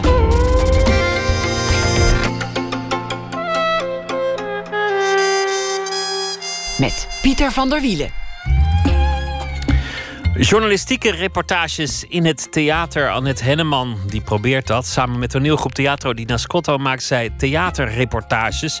Waar gebeurde verhalen van mensen in conflictgebieden worden verzameld en op het toneel gebracht. Straks een reportage. De Zwitsers-Nederlandse zangeres Ella komt op bezoek. Ze heeft een EP eh, e uit onder eigen naam Ella. En ze zal hier ook een nummer spelen in de studio. En Katelijn Schilder zal deze week elke nacht een verhaal maken bij de voorbije dag. En dat zal ze zo meteen voordragen. Eerst het cultureel nieuws van de voorbije dag. Wat er vandaag allemaal uh, min of meer gebeurde. Regisseur Pieter Kuipers gaat samen met cabaretier Theo Maassen een comedy maken. Vertelde hij op het Limburg Filmfestival. De twee hebben eerder samengewerkt aan de films TBS en Doodslag. Maar nooit eerder schreef Maassen het scenario. Een datum van verschijnen en opnemen is allemaal nog niet bekend. De herziene versie van het boek Mein Kampf van Adolf Hitler is momenteel een bestseller in Duitsland. Maar ook op het toneel blijkt het een succes. Het Berlijnse theatergezelschap Rimini Protocol krijgt in Duitsland veel aandacht en wordt ook geprezen vanwege hun oproep tot nuance. Ze komen ook naar Nederland 7 en 8 februari met hun voorstelling over Mein Kampf in Amsterdam. Wie altijd al fotografie heeft willen studeren aan een Amerikaanse topuniversiteit, heeft geluk. In navolging van andere grote universiteiten heeft Harvard, waar eh, bijvoorbeeld Barack Obama heeft gestudeerd, nu een online cursus digitale fotografie op het web gezet. Er zit wel een klein allertje onder het gras. De cursus is uit 2009, dus niet alles is helemaal up-to-date qua software, maar toch leuk. Dan is er nog uh, nieuws dat eventueel iemand ergens wakker zou kunnen houden. Er is heel wat te doen over de kolos van Rhodos. Een groep uh, ingenieurs en architecten in Griekenland wil het wereldwonder dat in 226 voor Christus vernield werd door een aardbeving opnieuw opbouwen. Ze willen het laten herreizen. Er is veel uh, protest tegen de plannen, al vinden sommige mensen het ook weer een mooi idee. En er is ook een compromis voorgesteld, namelijk een reconstructie met laserlichten. Aan de telefoon historicus Jona Lendering. Goeienacht. Goedenavond, goeienacht met Jona. Wat vind, wat vind je van het plan om de kolos van Rodos weer in de ere te herstellen? Is dat een, een, een mooi idee? Nee, ik vind het eerlijk gezegd een beetje een kitsch idee. Het, het, dient nergens toe. En uh, men heeft het geprobeerd een beetje nog een rechtvaardiging te geven... door te zeggen, er zit een museum in... Maar als je echt een museum wil bouwen, begin je met welk verhaal wil je vertellen. En begin je niet met welke vorm willen we kiezen om het te doen. Dus de, ik ben er niet heel erg blij mee. Is volgens mij ook nooit eerder gebeurd hè, om iets uit de oudheid te herbouwen. Ik bedoel, er zijn ruïnes die bewaard zijn en er zijn er die niet bewaard zijn. Maar om iets, om iets helemaal opnieuw te doen herreizen, dat, dat, ik ken daar eigenlijk geen nou, voorbeelden van. op deze schaal. Ik geloof dat ze het 150 meter hoog willen doen. Maar het nabouwen van uh, kolossen uit de oudheid is niet nieuw. Uh, de vrijheidsbeeld in New York is er een voorbeeld van. Het is een, ook een kopie van de Colossus van Rodos. Dus het is niet, niet voor het eerst dat ze het doen. Maar wel op deze schaal en, en met deze enorme uh, ja, poeha eromheen. Een uh, kiesrig idee, een megalomaan idee. Hoe zou jij het doen? Uh, de herinnering van de kolos van Rodos in, in leven houden? Nou, ik zou die zelf al niet centraal stellen. als ik iets zou doen om de oudheid te propageren... zou ik het, het geld liever uitgeven aan normale educatiemiddelen. dus bouwen ze een website waar de oudheid goed wordt uh, getoond. Die hebben we nog steeds niet. Uh, een portal waar je alle informatie kunt vinden in alle talen. met alle bronnen erbij, met voorwerpen erbij. Dat is waar mensen informatie zoeken. En een toeristending bouwen, dat, dat levert uiteindelijk niks op. hooguit een paar toeristen extra naar Rodos die het gekke ding willen zien. Maar je bouwt daar eigenlijk geen structuur op waarin mensen vanzelfsprekend die kennis hebben. Dus nee, dat zou ik, ik zou beginnen met een verhaal wat je echt wil vertellen. Daar de middelen bij voegen. En dat is niet meteen een een raar beeld nabouwen. Er was ook een compromis, uh, las ik, een, een uh, reconstructie met licht. Een soort, een soort lichtshow die dan ja. dat projecteert. Dat, dat, is toch waardig, toch? Ja, dat is in ieder geval een, stuk uh, beter besteed geld. Het is waarschijnlijk ook een stuk goedkoper. Dus ik, nee, ik zou daar inderdaad voor kiezen. En het gebeurt ook vaker. Je hebt meer van dit soort projecten dat ze um, bijvoorbeeld kleur op, op antieke standbeelden, die, die we nog steeds hebben, uh, met behulp van, van lichtprojecties teruggeven. Dan hou je het beeld intact, je beschadigt niks en je geeft toch een beeld van hoe het vroeger geweest moet zijn. Dat is een hele lieve methode eigenlijk. En goedkoper, en dat zal in Griekenland nu uh, nog steeds wel goed uitkomen. Ja, precies. Ik ben zelf ook een groot voorstander van een royaal uh, cultuurbeleid. Daar niet van, maar uh, cultuur is mooi, maar het moet wel eerst... Ze hebben duizenden vluchtelingen die ze nauwelijks te eten kunnen geven. Dus ik zou het zelf persoonlijk ook daar eerder aan geven dan aan cultuur. Mensen leven niet van brood alleen, maar het, het, toch wel af en toe moet brood er zijn. En dat is er voorlopig nog niet. Dus begin ook niet met geld aan, aan dit soort projecten. Duidelijk. Jona Lendering, dankjewel. Goeienacht. Ja, dankjewel. Graag gedaan.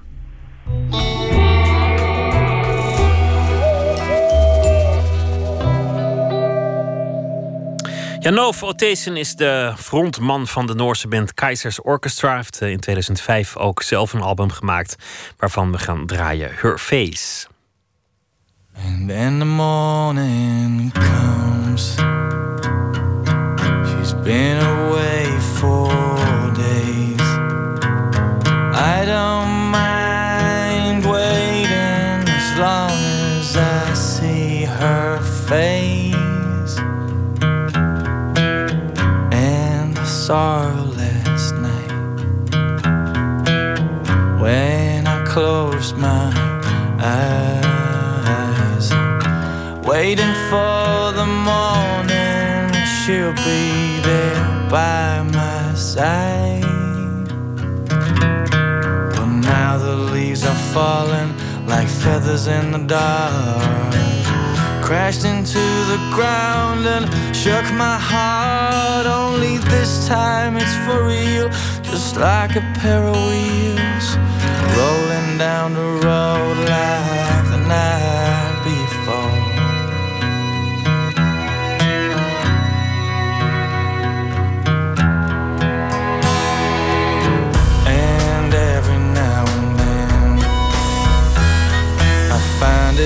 harder to pretend. Cause it's so much easier to please her. When I look into her blue eyes But now the leaves are falling like feathers in the dark. Crashed into the ground and shook my heart. Only this time it's for real Just like a pair of wheels rolling down the road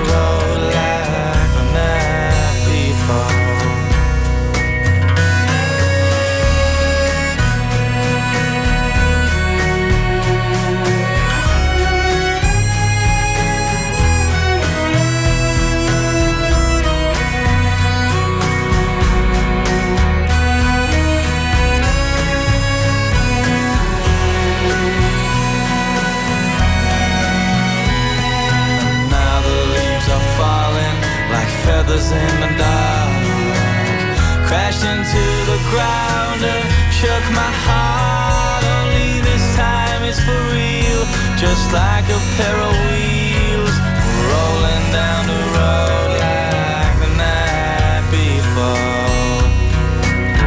Like the night before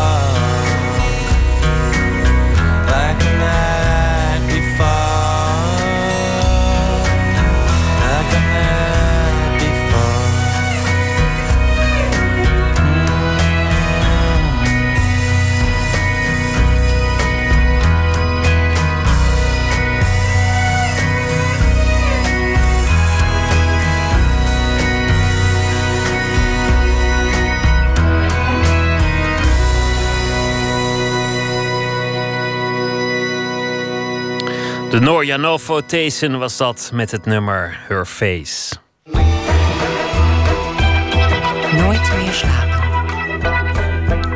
Het begon in Italië met uh, gesprekken met bootvluchtelingen al daar. Tegenwoordig bezoekt ze de gebieden waar de mensen vandaan zijn gevlucht. Regisseuse en actrice Annette Henneman is oprichter van Teatro di Nascosto, wat in het Italiaans zoiets betekent als verborgen theater. Het is een internationaal theatergezelschap en dat probeert waar gebeurde verhalen van mensen in conflictgebieden op het podium te brengen.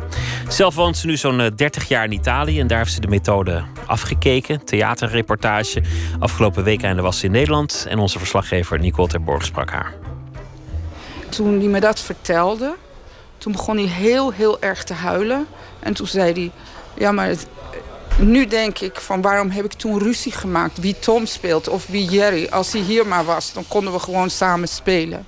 Het is één verhaal van velen, ja. Ik voel het door heel mijn lijf. Ja. Heftig, man. Oh. Ja. ja, het is. Oh,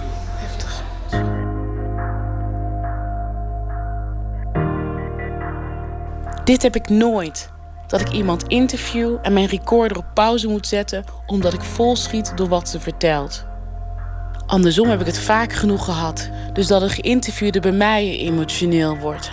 Wat ik nu voor het eerst meemaak in mijn carrière als journalist heeft alles te maken met Annette Henneman en haar manier van vertellen. Voor haar vertellingen met Theatro di Nascosto heeft haar eigen methode ontwikkeld: de theaterreportage. Met de methode van theaterreportage moet je niet zozeer denken aan acteurs die Shakespeare spelen, maar aan acteurs die in films spelen. De, waar je van gaat geloven terwijl je weet dat het niet waar is. Het gaat erom dat je het echt wordt. zien. Vi racconto delle storie vere, quello che succede veramente da noi in Palestina. Gesluierd en gekleed in het wit geeft Annette hier met een 15-koppig theatergezelschap een optreden in de straten van Rome. Om de voorstellingen zo echt mogelijk te maken, brengt ze maanden door met mensen die leven in conflictgebieden. Haar reportage theatermethode bestaat uit de elementen geschiedenis, antropologie, journalistiek en theater. Ze gaat de geschiedenis van het volk na, verzamelt gegevens van de mensen met wie ze woont. Ze leert de taal, religie, cultuur, muziek, maar ook stemgebruik en mimiek maakt ze zich eigen. En uiteindelijk wordt het. Theater. Als ik iemand wil spelen uit Iran en ik zit tegenover jou, dan kan ik dingen laten zien. Maar dan moet ik echt een heleboel dingen kunnen bewegen die ik niet kon bewegen als Nederlandse vrouw, zeg maar. Maar ik moet ook psychologisch gezien een soort afstand kunnen nemen van mezelf. En dat doen acteurs, eh, bijvoorbeeld vooral filmacteurs. Zodat je in nieuwe gewoontes kunt stappen, in een heel ander karakter kunt spelen. Als ik een Iraanse vrouw ben die in een klein dorpje, want de grote stad is anders. En uh, ik kijk naar een man, dan kan ik daar niet gewoon naar kijken. Maar dan moet ik, kan ik echt maar heel even flitsend kijken met mijn ogen. Om hem te laten weten dat ik hem misschien leuk vind. En al die dingen, die lichaamstaal, die moet je, moet je leren. En die moet je trainen, hoe je je stem gebruikt. Ik ben geboren tien jaar nadat de, eerste, de Tweede Wereldoorlog over was. Maar ik weet niet wat oorlog is. En ik weet niet wat onderdrukking is. Ik wilde op mijn eigen huid beleven, zodat ik wat ik zou vertellen, dat ik dat ook ergens in mezelf had.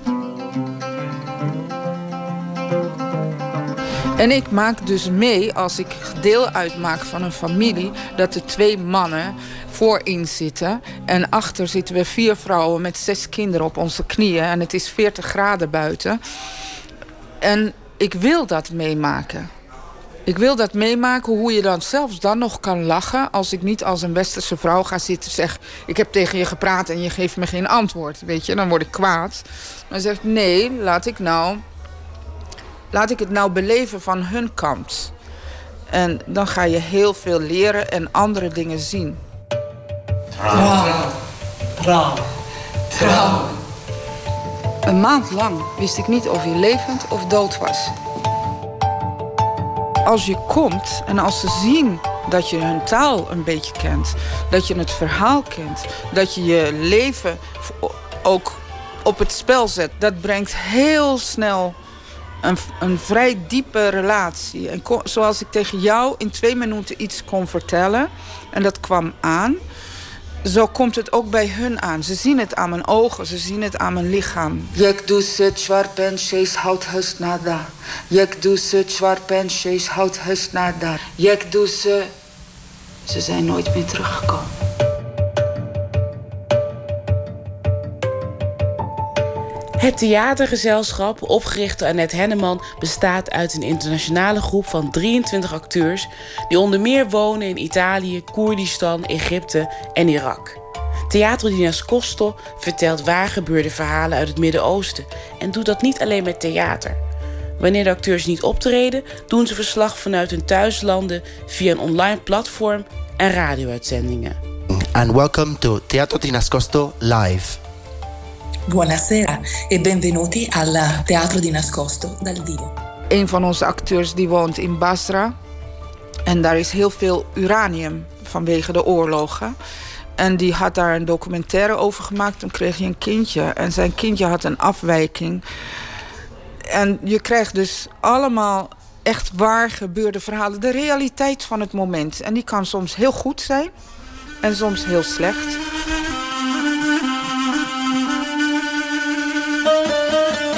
Wat is jouw grootste doel met Teatro di Nascosto?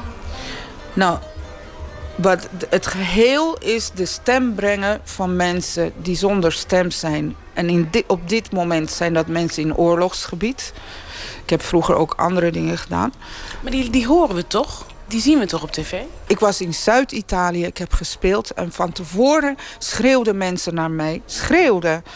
Uh, wij weten alles, dat zien we allemaal op de televisie. En toen had ik gespeeld, toen zeiden ze... sorry, wij weten dit niet. Dit hebben wij nooit gezien. Je ziet de vrouw die schreeuwt en zichzelf slaat... maar die, die heeft net haar zoon zien doodschieten. Je ziet haar niet toen ze hem ochtends, zeg maar, uh, zijn kleren gewassen had.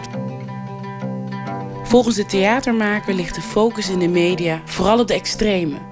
Verhalen over het dagelijks leven in een conflictgebied, wat er bijvoorbeeld voor en na een bomontploffing gebeurt, horen we weinig. Daarnaast krijgt ze andere informatie omdat ze haar eerder vertrouwen dan journalisten. In de jarenlange tijd in het samenleven heb ik geleerd om de verhalen te vertellen, maar ik verander vaak namen. Ik verander de leeftijd. Ik verander de stad. Soms zelfs het land waar dingen gebeurd zijn. Omdat dat mensen in gevaar zou brengen. Toen ik naar het front wilde... en de Peshmerga's van het front in Iraks Koerdistan... eigenlijk me niet... Die wilden me eigenlijk niet uh, laten komen. En ze begonnen me van alles uit te leggen. En toen zei ik, oké, uh, ik, ik weet de situatie. Maar dat geloofden ze niet. Nee, ja, u moet weten wat er gebeurd is met de Koerden. Ik zeg, dat weet ik. En toen dacht ik ineens, zei ik, stop. Ik ga voor jullie zingen. En toen heb ik een Koerdisch lied gezongen van een moeder die aan haar zoon in het Koerdisch, die aan haar zoon tegen haar zoon zingt van ga mijn zoon, ga, je moet het me niet vragen. Wat zong je dan? Herre, herre, kurim, herre, delo jigger mijn beterre, es de guaja, en dat gaat zo door. En in het tweede gedeelte, dan zing ik uh, ga, ga mijn lammetje, zeg maar. En ik zong dat lied voor, er zaten allemaal van die belangrijke peshmerga's, de hoofden. En toen zeiden ze, wat je ook maar wil, je krijgt het. De dingen die jij meemaakt, hè? Voorbeelden van vrouwen die hun eigen urine moesten drinken. Ja. Omdat ze anders zouden uitdrogen. Ja. Vrouwen die de meest vreselijke dingen seksueel hebben meegemaakt. Kinderen die gestorven zijn. Als ik dat persoonlijk allemaal aan zou moeten horen... ik weet niet hoe ik hier dan zou zitten. Hoe kan het dat je daarmee om kan gaan? Ik, uh, ten eerste is, ik doe het niet als interviews. Hè? Ik beleef het. En dan ineens begint iemand iets te vertellen... of gebeurt er iets... Dus het is niet zo, dat was de eerste keren wel. Maar nu is het helemaal niet zo dat ik mensen heel veel vraag. Vaak we gaan ze zelf vertellen. En ik denk als ik geen theater zou doen, zou ik gek worden. Dat is, ik kan me uiten. Ik kan daar schreeuwen. Ik kan huilen.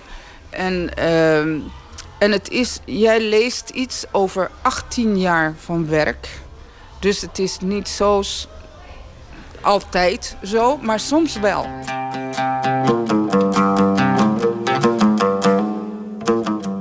In de landen waar grote oorlog is, zoals nu Syrië en in Irak, elke familie heeft een aantal mensen die gestorven zijn. Maar in mijn 18 jaar maak ik dat ook mee. Dus als ik ergens over vertel, dan zit mijn eigen geschiedenis en de geschiedenis die ik samen met de mensen beleefd heb, zit erin. Dus elk woord heeft een geschiedenis. Als ik in het Nederlands mama zeg of tuin, ja, de speeltuin, dan heeft dat een geschiedenis. Maar als ik een woord ga gebruiken dat in het Marokkaans of in het Iraans gebruikt wordt en dat heeft voor mij geen geschiedenis, geen gevoelsgeschiedenis, dan hoor je dat.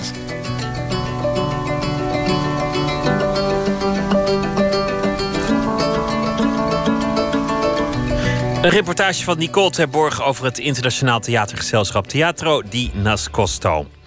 Deze week verschijnt eh, de EP van singer-songwriter Ella. Ella van der Woude is dat, een Nederlands-Zwitserse zangeres. Zometeen komt zij hier zitten voor de rubriek Open Kaart. Maar we gaan eerst luisteren naar een nummer dat ze hier in de studio zingt. En dat heet I Don't Want to Get to Know You.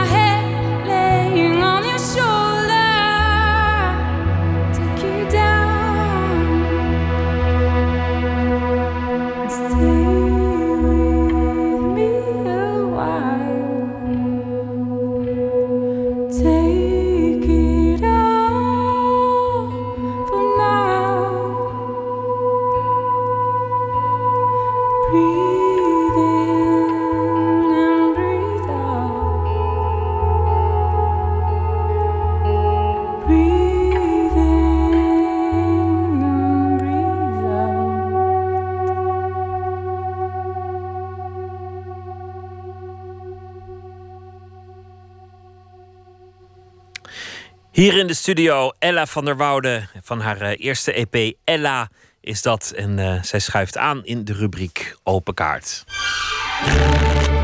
Open Kaart. Een pak met 150 vragen over werk en leven. En op die eh, kaarten staan allemaal vragen. Dus. En uh, te gast is Ella van der Woude. Nederlands-Zwitsers muzikante. Maakte ooit deel uit van uh, Ben's Houses en Amber Arcades. Sinds 2015 is zij solo. En ze heeft uh, op vele plekken opgetreden. En de EP heet Ella. Hartelijk welkom. Dankjewel. Hoe is het allemaal begonnen, je gang de muziek in? Wanneer, wanneer begon je liedjes te schrijven? Oh, dat is... Um even denken hoor. Dat is echt heel lang teruggraven.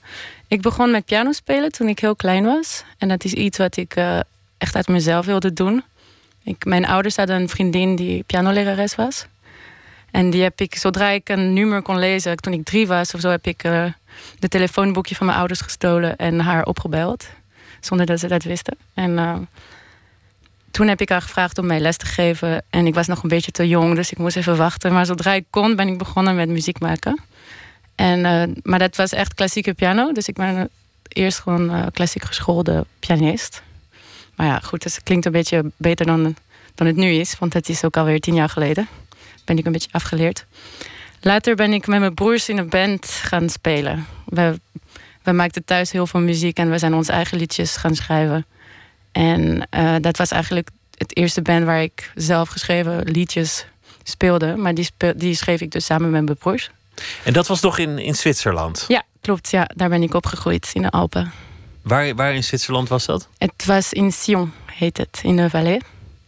Dat is uh, ja, dichtbij Lausanne in de buurt. Oké, okay, dat is het Franstalige gedeelte van de Alpen. Een plek die veel mensen wel uh, zullen kennen. Hoe is je, hoe is je gang naar Nederland uh, gegaan? Hoe ben je hier terecht gekomen? mijn vader is Nederlands en um, hij woonde in Zwitserland sinds zijn twintigste volgens mij. En um, ja, die link van Nederland voor mij was altijd heel sterk. We gingen op vakantie naar Nederland met mijn familie. En ik ging er altijd met heel veel plezier heen. Het was een beetje, ja, het was het vakantieland voor mij. Dus het was ook wel, uh, een, ja. Associatie van vrijheid Precies. en plezier. Ja, ja, en ik vond Amsterdam echt een uh, fascinerende stad. Ik kende geen, ja, het was zo groot en uh, het zag er zo gezellig uit en, en spannend. En ik wilde gewoon heel graag daarheen. Ik, het is, ik heb niet per se meteen gekozen voor Amsterdam. Ik ben eerst op zoek gegaan naar andere plekken in Engeland. Ik wilde muziek studeren eigenlijk toen ik met mijn uh, middelbare school klaar was. Wilde ik muziek gaan studeren om te kijken hoe, of het mij beviel om dat fulltime te doen. En ja, ben ik op zoek gegaan naar school. En toch wel terechtgekomen in Amsterdam bij het conservatorium daar. Je bent nu solo sinds, uh, sinds twee jaar alweer. Dat, dat lijkt me anders. Of je onder eigen naam opereert, of, of dat er een band om je heen staat. Dat, dat, je, dat je gewoon een naam hebt van, van een collectief, of dat je je presenteert helemaal onder, onder eigen naam. Maar maakt dat ja. verschil? Zeker. Maar um, nou, het is wel grappig. Manuel, die met me uh, speelde net, uh, die zat ook bij mij in de band Houses, waar we vroeger in speelden.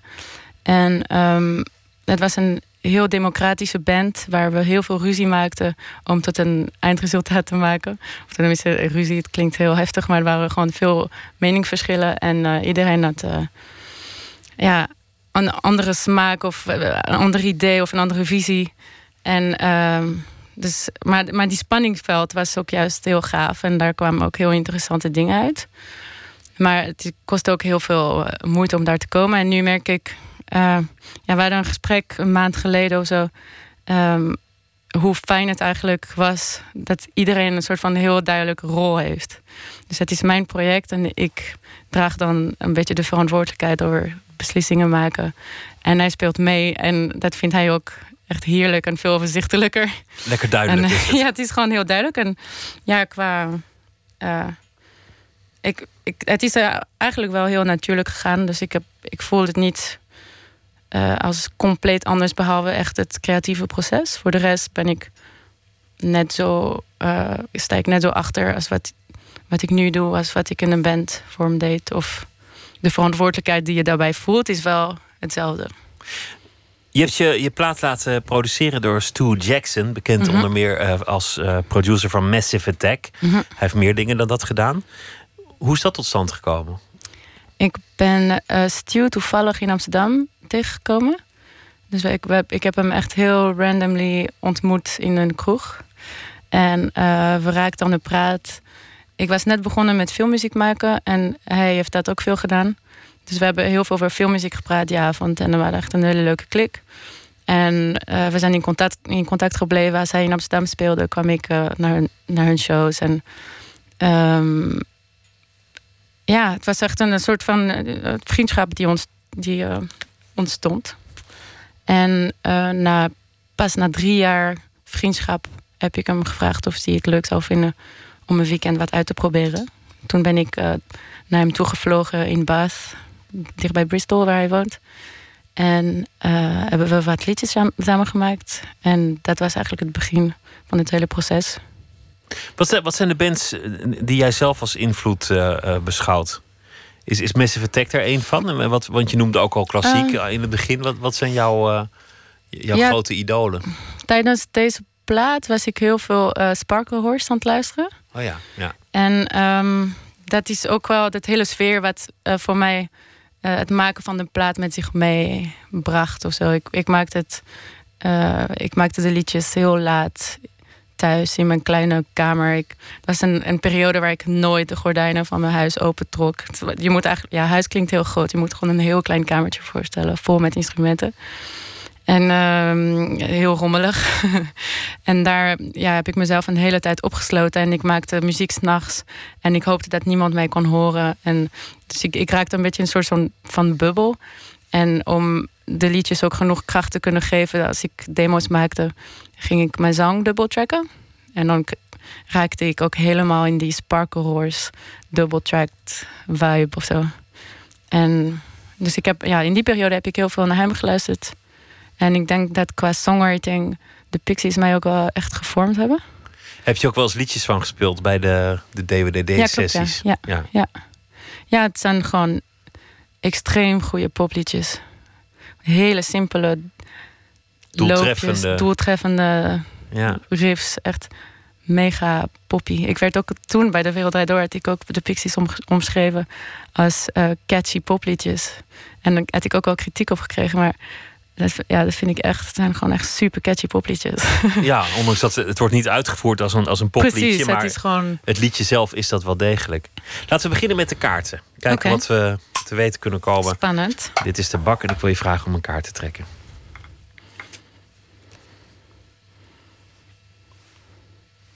Waardoor werd je in je werk belemmerd?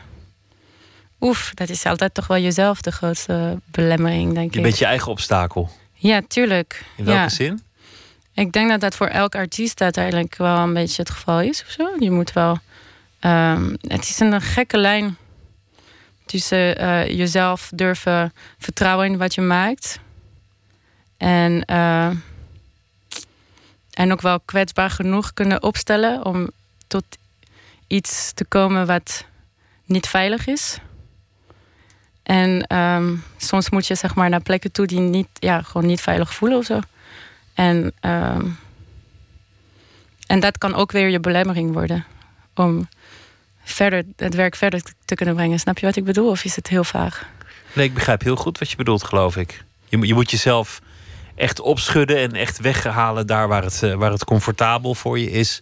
Maar dat maakt het allemaal natuurlijk nog veel meer glad ijs. Ja, ja. Laten we Ja. nog een kaart trekken. Even kijken.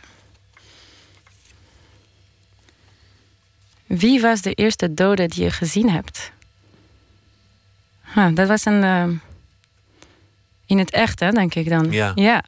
Dat was een klasgenote. Toen ik. ehm, toen ik. eh, hoe, oud was ik? Ik was in een middelbare school in het eerste jaar. Maar dat is anders in Zwitserland. Dus eh, ik denk dat ik toen 13 of 14 was. En een van mijn klasgenoten die, eh, die had kanker en die overleed toen dat jaar. Dat was een goede vriend van mij, dus ik heb hem echt in de hele periode van zijn ziekte echt van dichtbij meegemaakt. En toen hij overleed, toen mochten we met de klas naar zijn huis toe. Eh, Fernand heette hij. En ehm, ik schrok niet, zo, niet zozeer van eh, eh, dat gezicht van een, een dood lichaam. Want het voelt, je voelt gewoon dat er niks meer is of zo. Dat, maar ik ging, toen ik wegliep wilde ik hem aanraken. En ik voelde dat ijs onder zijn lichaam. En ik had dat zo niet verwacht, daar schrok ik echt enorm van. Dat het zo ijskoud zou zijn. Ja, dat, daar was ijs onder. Hij, hij lag op, op ijs om zijn lichaam eh, te conserveren. te conserveren. Dus, en daar schrok ik enorm van. Maar ik vond wel, ja, ik heb hem omdat ik hem mee had gemaakt in de tijd van zijn ziekte. En ook echt in een hele slechte toestanden gezien heb. Vond ik het een fijner gezicht om hem, eh, om te weten dat hij weg was. En dat hij ja, niet meer eh, hoefde te lijden, zeg maar. Wel heel jong om, om, eh, om, om iemand te verliezen in je omgeving, een, een leeftijdsgenoot. Heb je, heb je een beeld van de dood? een beeld van de dood. Een idee erover, wat het, wat het is, wat het inhoudt om, om te sterven? Ja, niet echt. Ik, ik, eh, ik, ik vind het een fijn idee om een soort van eh, ehm, hele spirituele dingen bij te verzinnen. En, ehm, maar uiteindelijk kan ik me ook niet herinneren waar ik was, zeg maar, voor mijn geboorte. En waar ik was en hoe dat tot stand komt, zeg maar. Los van het fysieke gedeelte. Dat weet ik inmiddels wel hoe dat werkt.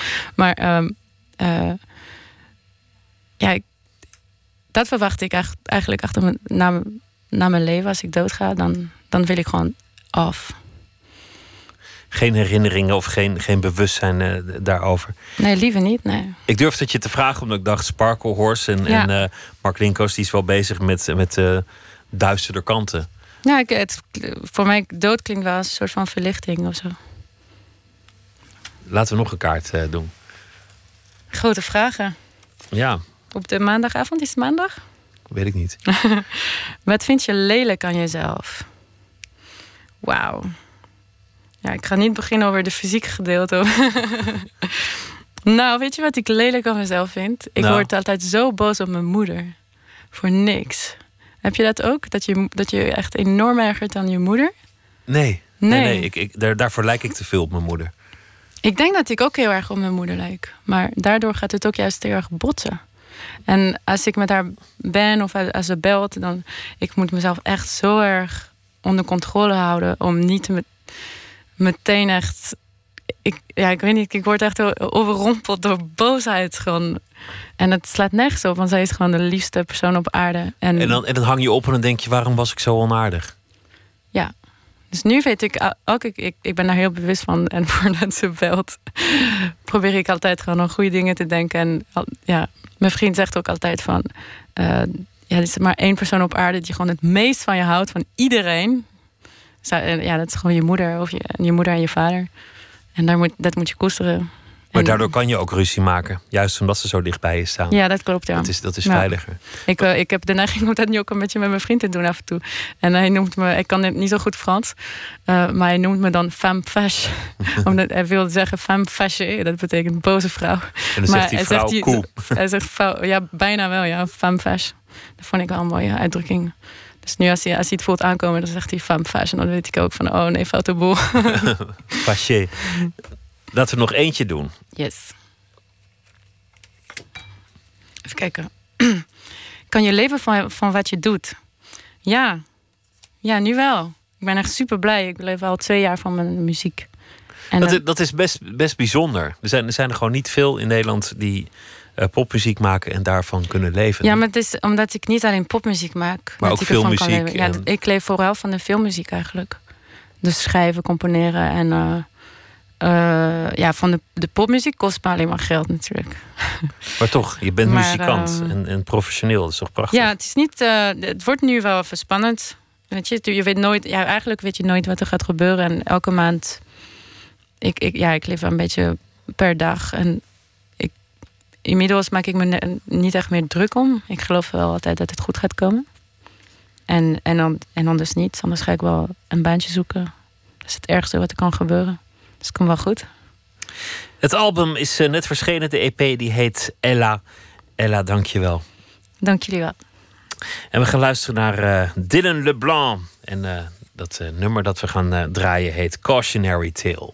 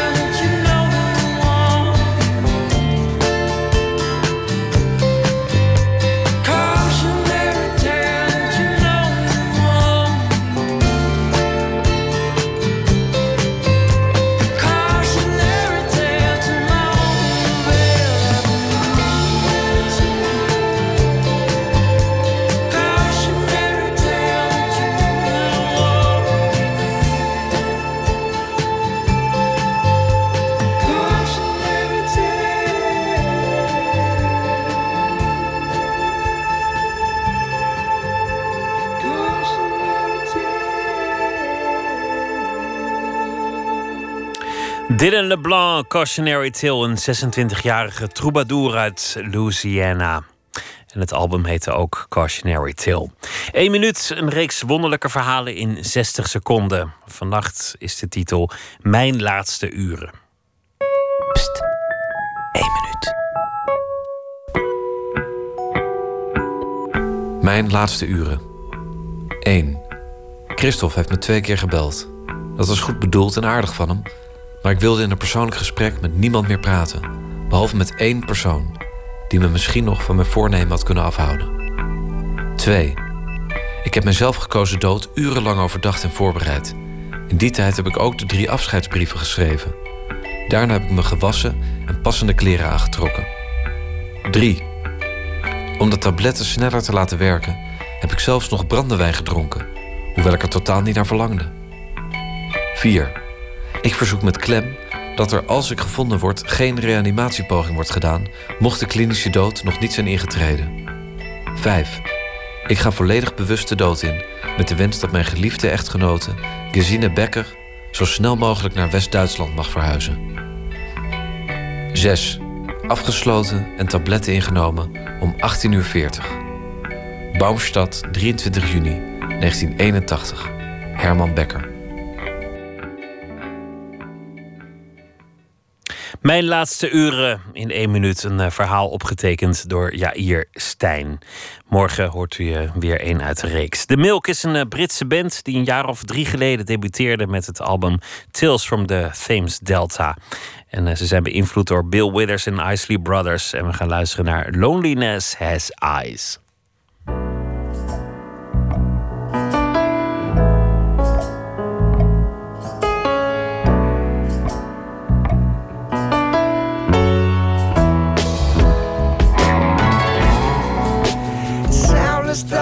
Stuck, I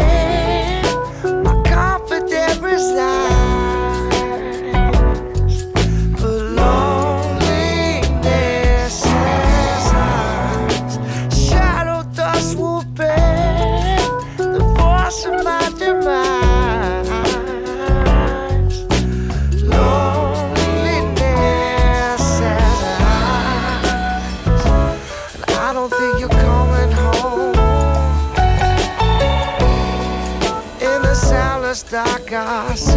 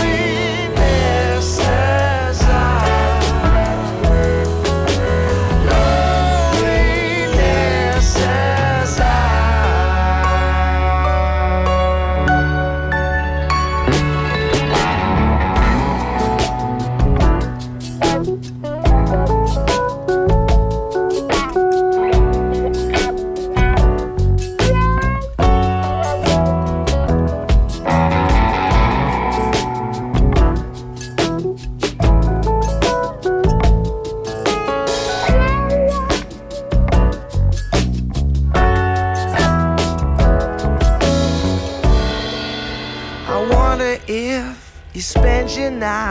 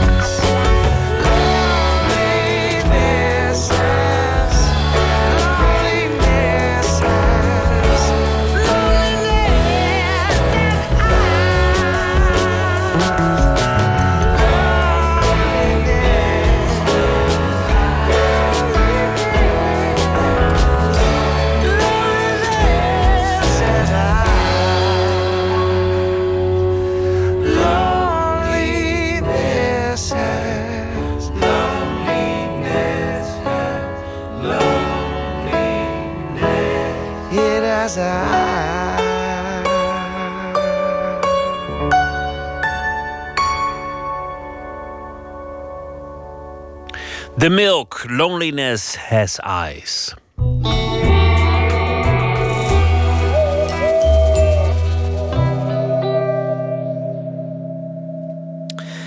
Katelijn Schilder is eh, schrijver en schrijfdocent. Heeft twee romans gemaakt: De Eenling en Eerst een Huis. En ze maakt vooral korte verhalen. Deze week zal ze elke nacht een verhaal maken bij de afgelopen dag. Katelijn, goeienacht. Dag Pieter. Leuk dat je deze week elke nacht even aan de telefoon krijgt. Wat voor dag eh, ligt er achter ons? Nou, het is hard aan het vriezen. Dat, het is altijd een beetje suf om over het weer te beginnen natuurlijk. Want er is zoveel eh, meer aan de hand in de wereld. Maar voor zo'n verhaaltje bij de dag moet je altijd maar één ding kiezen. En ik fietste vanavond naar huis en had spijt dat ik niet twee paar handschoenen over elkaar had aangetrokken. Dus ik dacht, dat wordt hem toch wel. Ja, het Omdat is, ik altijd... eh, het is inderdaad Oh, sorry. ontzettend koud. Ja. Ja, dat hebben we nog niet gehad deze winter. En eh, eh, wat ik altijd zo leuk vind aan, aan sneeuw en, eh, en kou en zo... is dat er altijd waarschuwingen van mooie instanties bij horen. En dan gaan ze praten over thermosflessen en dikke sokken. En dat vind ik altijd hele mooie berichtjes om te lezen. Ja, vorige week sneeuwde het een heel klein beetje. En toen, toen regende het ook waarschuwingen. Ze, ze hebben met z'n allen een beetje van suikergoed geworden. Want, want Nederland had toch vroeger hele strenge winters. En, en daar kraaide bij mijn weten geen haan naar. Nee, we hebben, nee, volgens mij gaat het vooral om de verandering. Hè, waar we dan eh, over. vol- Volgens mij, als het eenmaal vier weken vriest, dan is er niks meer aan de hand. Maar die verandering, daar raken we altijd van in rep en roer. Volgens mij eh, moeten we dan eventjes weer eh, aan het handje meegenomen worden. Zoiets, denk ik. Ja, want dit, is, dit komt nog niet in de buurt van de winter van 63... als ik de, de Nee. verhalen moet geloven. Het is nog helemaal Nee, niks. dat- En Die gaan we nooit meer krijgen. Nee, en dan is het code blauw, code paars. En, en vergeet niet om dikke sokken aan te trekken. Godsallemijnen. Nee, en soms heb je al die waarschuwingen en heb je helemaal zin in. Dan eh, heb je je werk al afgebeld. En dan word je 's ochtends wakker en is er niks aan de hand. Dan moet je toch gewoon die trein in. Dat is het gewoon een soort teleurstelling dat er geen eh, eh, verkeersinfarct is ontstaan. Dat Ja, heb die je ook- ook door die waarschuwingen. Die is ook vaak hoorbaar bij radio-nieuwslezers. Dat, dat, het, dat het is meegevallen. Ja. ja, en ik vind het dan altijd jammer. Want ik had me eigenlijk wel verheugd op, eh, op een dag thuis. Maar ja, het gaat dan weer niet door. Maar ja, Ik ben benieuwd naar je verhaal. Ga je gang. Ja, oké. Seal the deal. De wekker gaat straks om kwart over zes, maar Els slaapt nog steeds niet. 60% van de Nederlanders is niet voorbereid op winterweer, las ze. Ze nemen geen deken mee in de auto, gaan te koud gekleed naar buiten. John, de marketingtrainer die haar vandaag in een zaaltje in de jaarbeurs les gaf over fondsenwerving, is er ook zo één. Dat weet ze zeker. Seal the deal, spookt steeds door haar hoofd. De enige kreet van de training die is blijven hangen. Omdat het rijmt natuurlijk. En ook omdat ze er zeehondjes bij denkt. Ze gaf een elevator pitch, maar niet vanuit de Golden Circle, zei John. Eerst moet je hun hart raken en dan pas hun hoofd. Anders worden de mensen overspoeld met informatie. Elke keer als hij overspoeld zei, helde hij achterover. Het geld is overal, zei hij. En hij klikte als een weerman op de afstandsbediening... en toen stond het ook op het enorme scherm achter hem.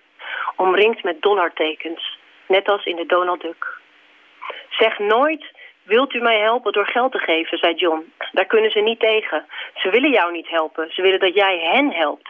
Zeg tegen ze, samen realiseren wij onze gezamenlijke passie. En dan, bam, spijkers met koppen, seal the deal. Els hoopt op een berg sneeuw als straks de wekker gaat. IJssel, vastgevroren treinen, verkeersinfarct. In gedachten ziet ze John ingesneeuwd op de A2 in zijn spierwitte Italiaanse overhemd. 60% van de Nederlanders is niet voorbereid op winterweer, las ze net. Tot zover. Een mooie reden wellicht om de workshop eh, te missen wanneer het sneeuwt. En eh, de ontberingen op de weg mensen ervan behoeden om dit soort termen voor een klaslokaal te hanteren. Ja, deze mensen die morgen hier naartoe mogen, moeten die mogen af, eh, afzeggen in verband met de vorst, vind ik. Ik als uh, vervent uitslaper zet soms heel even, als ik dan heel even wakker ben, de radio aan, s ochtends om even die verkeersinformatie te horen en daarna lekker verder te slapen. ja, en, goed en idee. Het, ja, het is heel kinderachtig, maar daar geniet ik toch enorm van. Ja, als je zo die, al die files hoort en je staat er niet in. Dat is fantastisch. Ja, en dan draai je daarna even lekker om en dan denk je, ach ja, die files. Ja, dat is een mooi begin van de dag. Heerlijk. Katelijn, dankjewel. Goeienacht. Joe, Tot morgen. Morgen. De band Beirut komt uit New York, levert al een jaar of tien prachtige platen af. En dit nummer heet Nantes.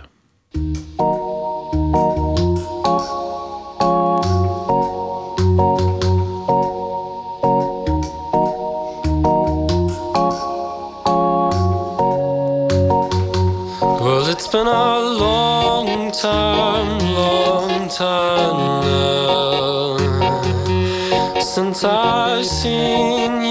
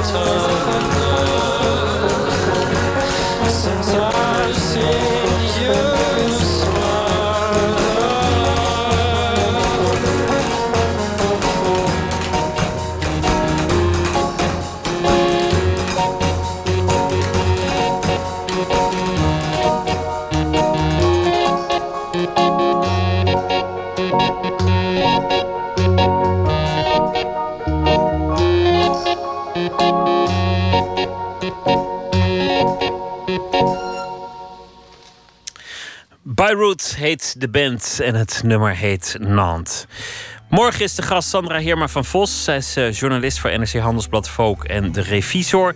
En ze heeft eh, haar eerste roman geschreven, Schijnvrouw, over een vrouw in de dertig met een burn-out die probeert haar weg te vinden in het leven zonder zich iets aan te trekken van conventies. Dat allemaal morgen in Nooit meer slapen. Voor nu een hele goede nacht en graag weer tot dan.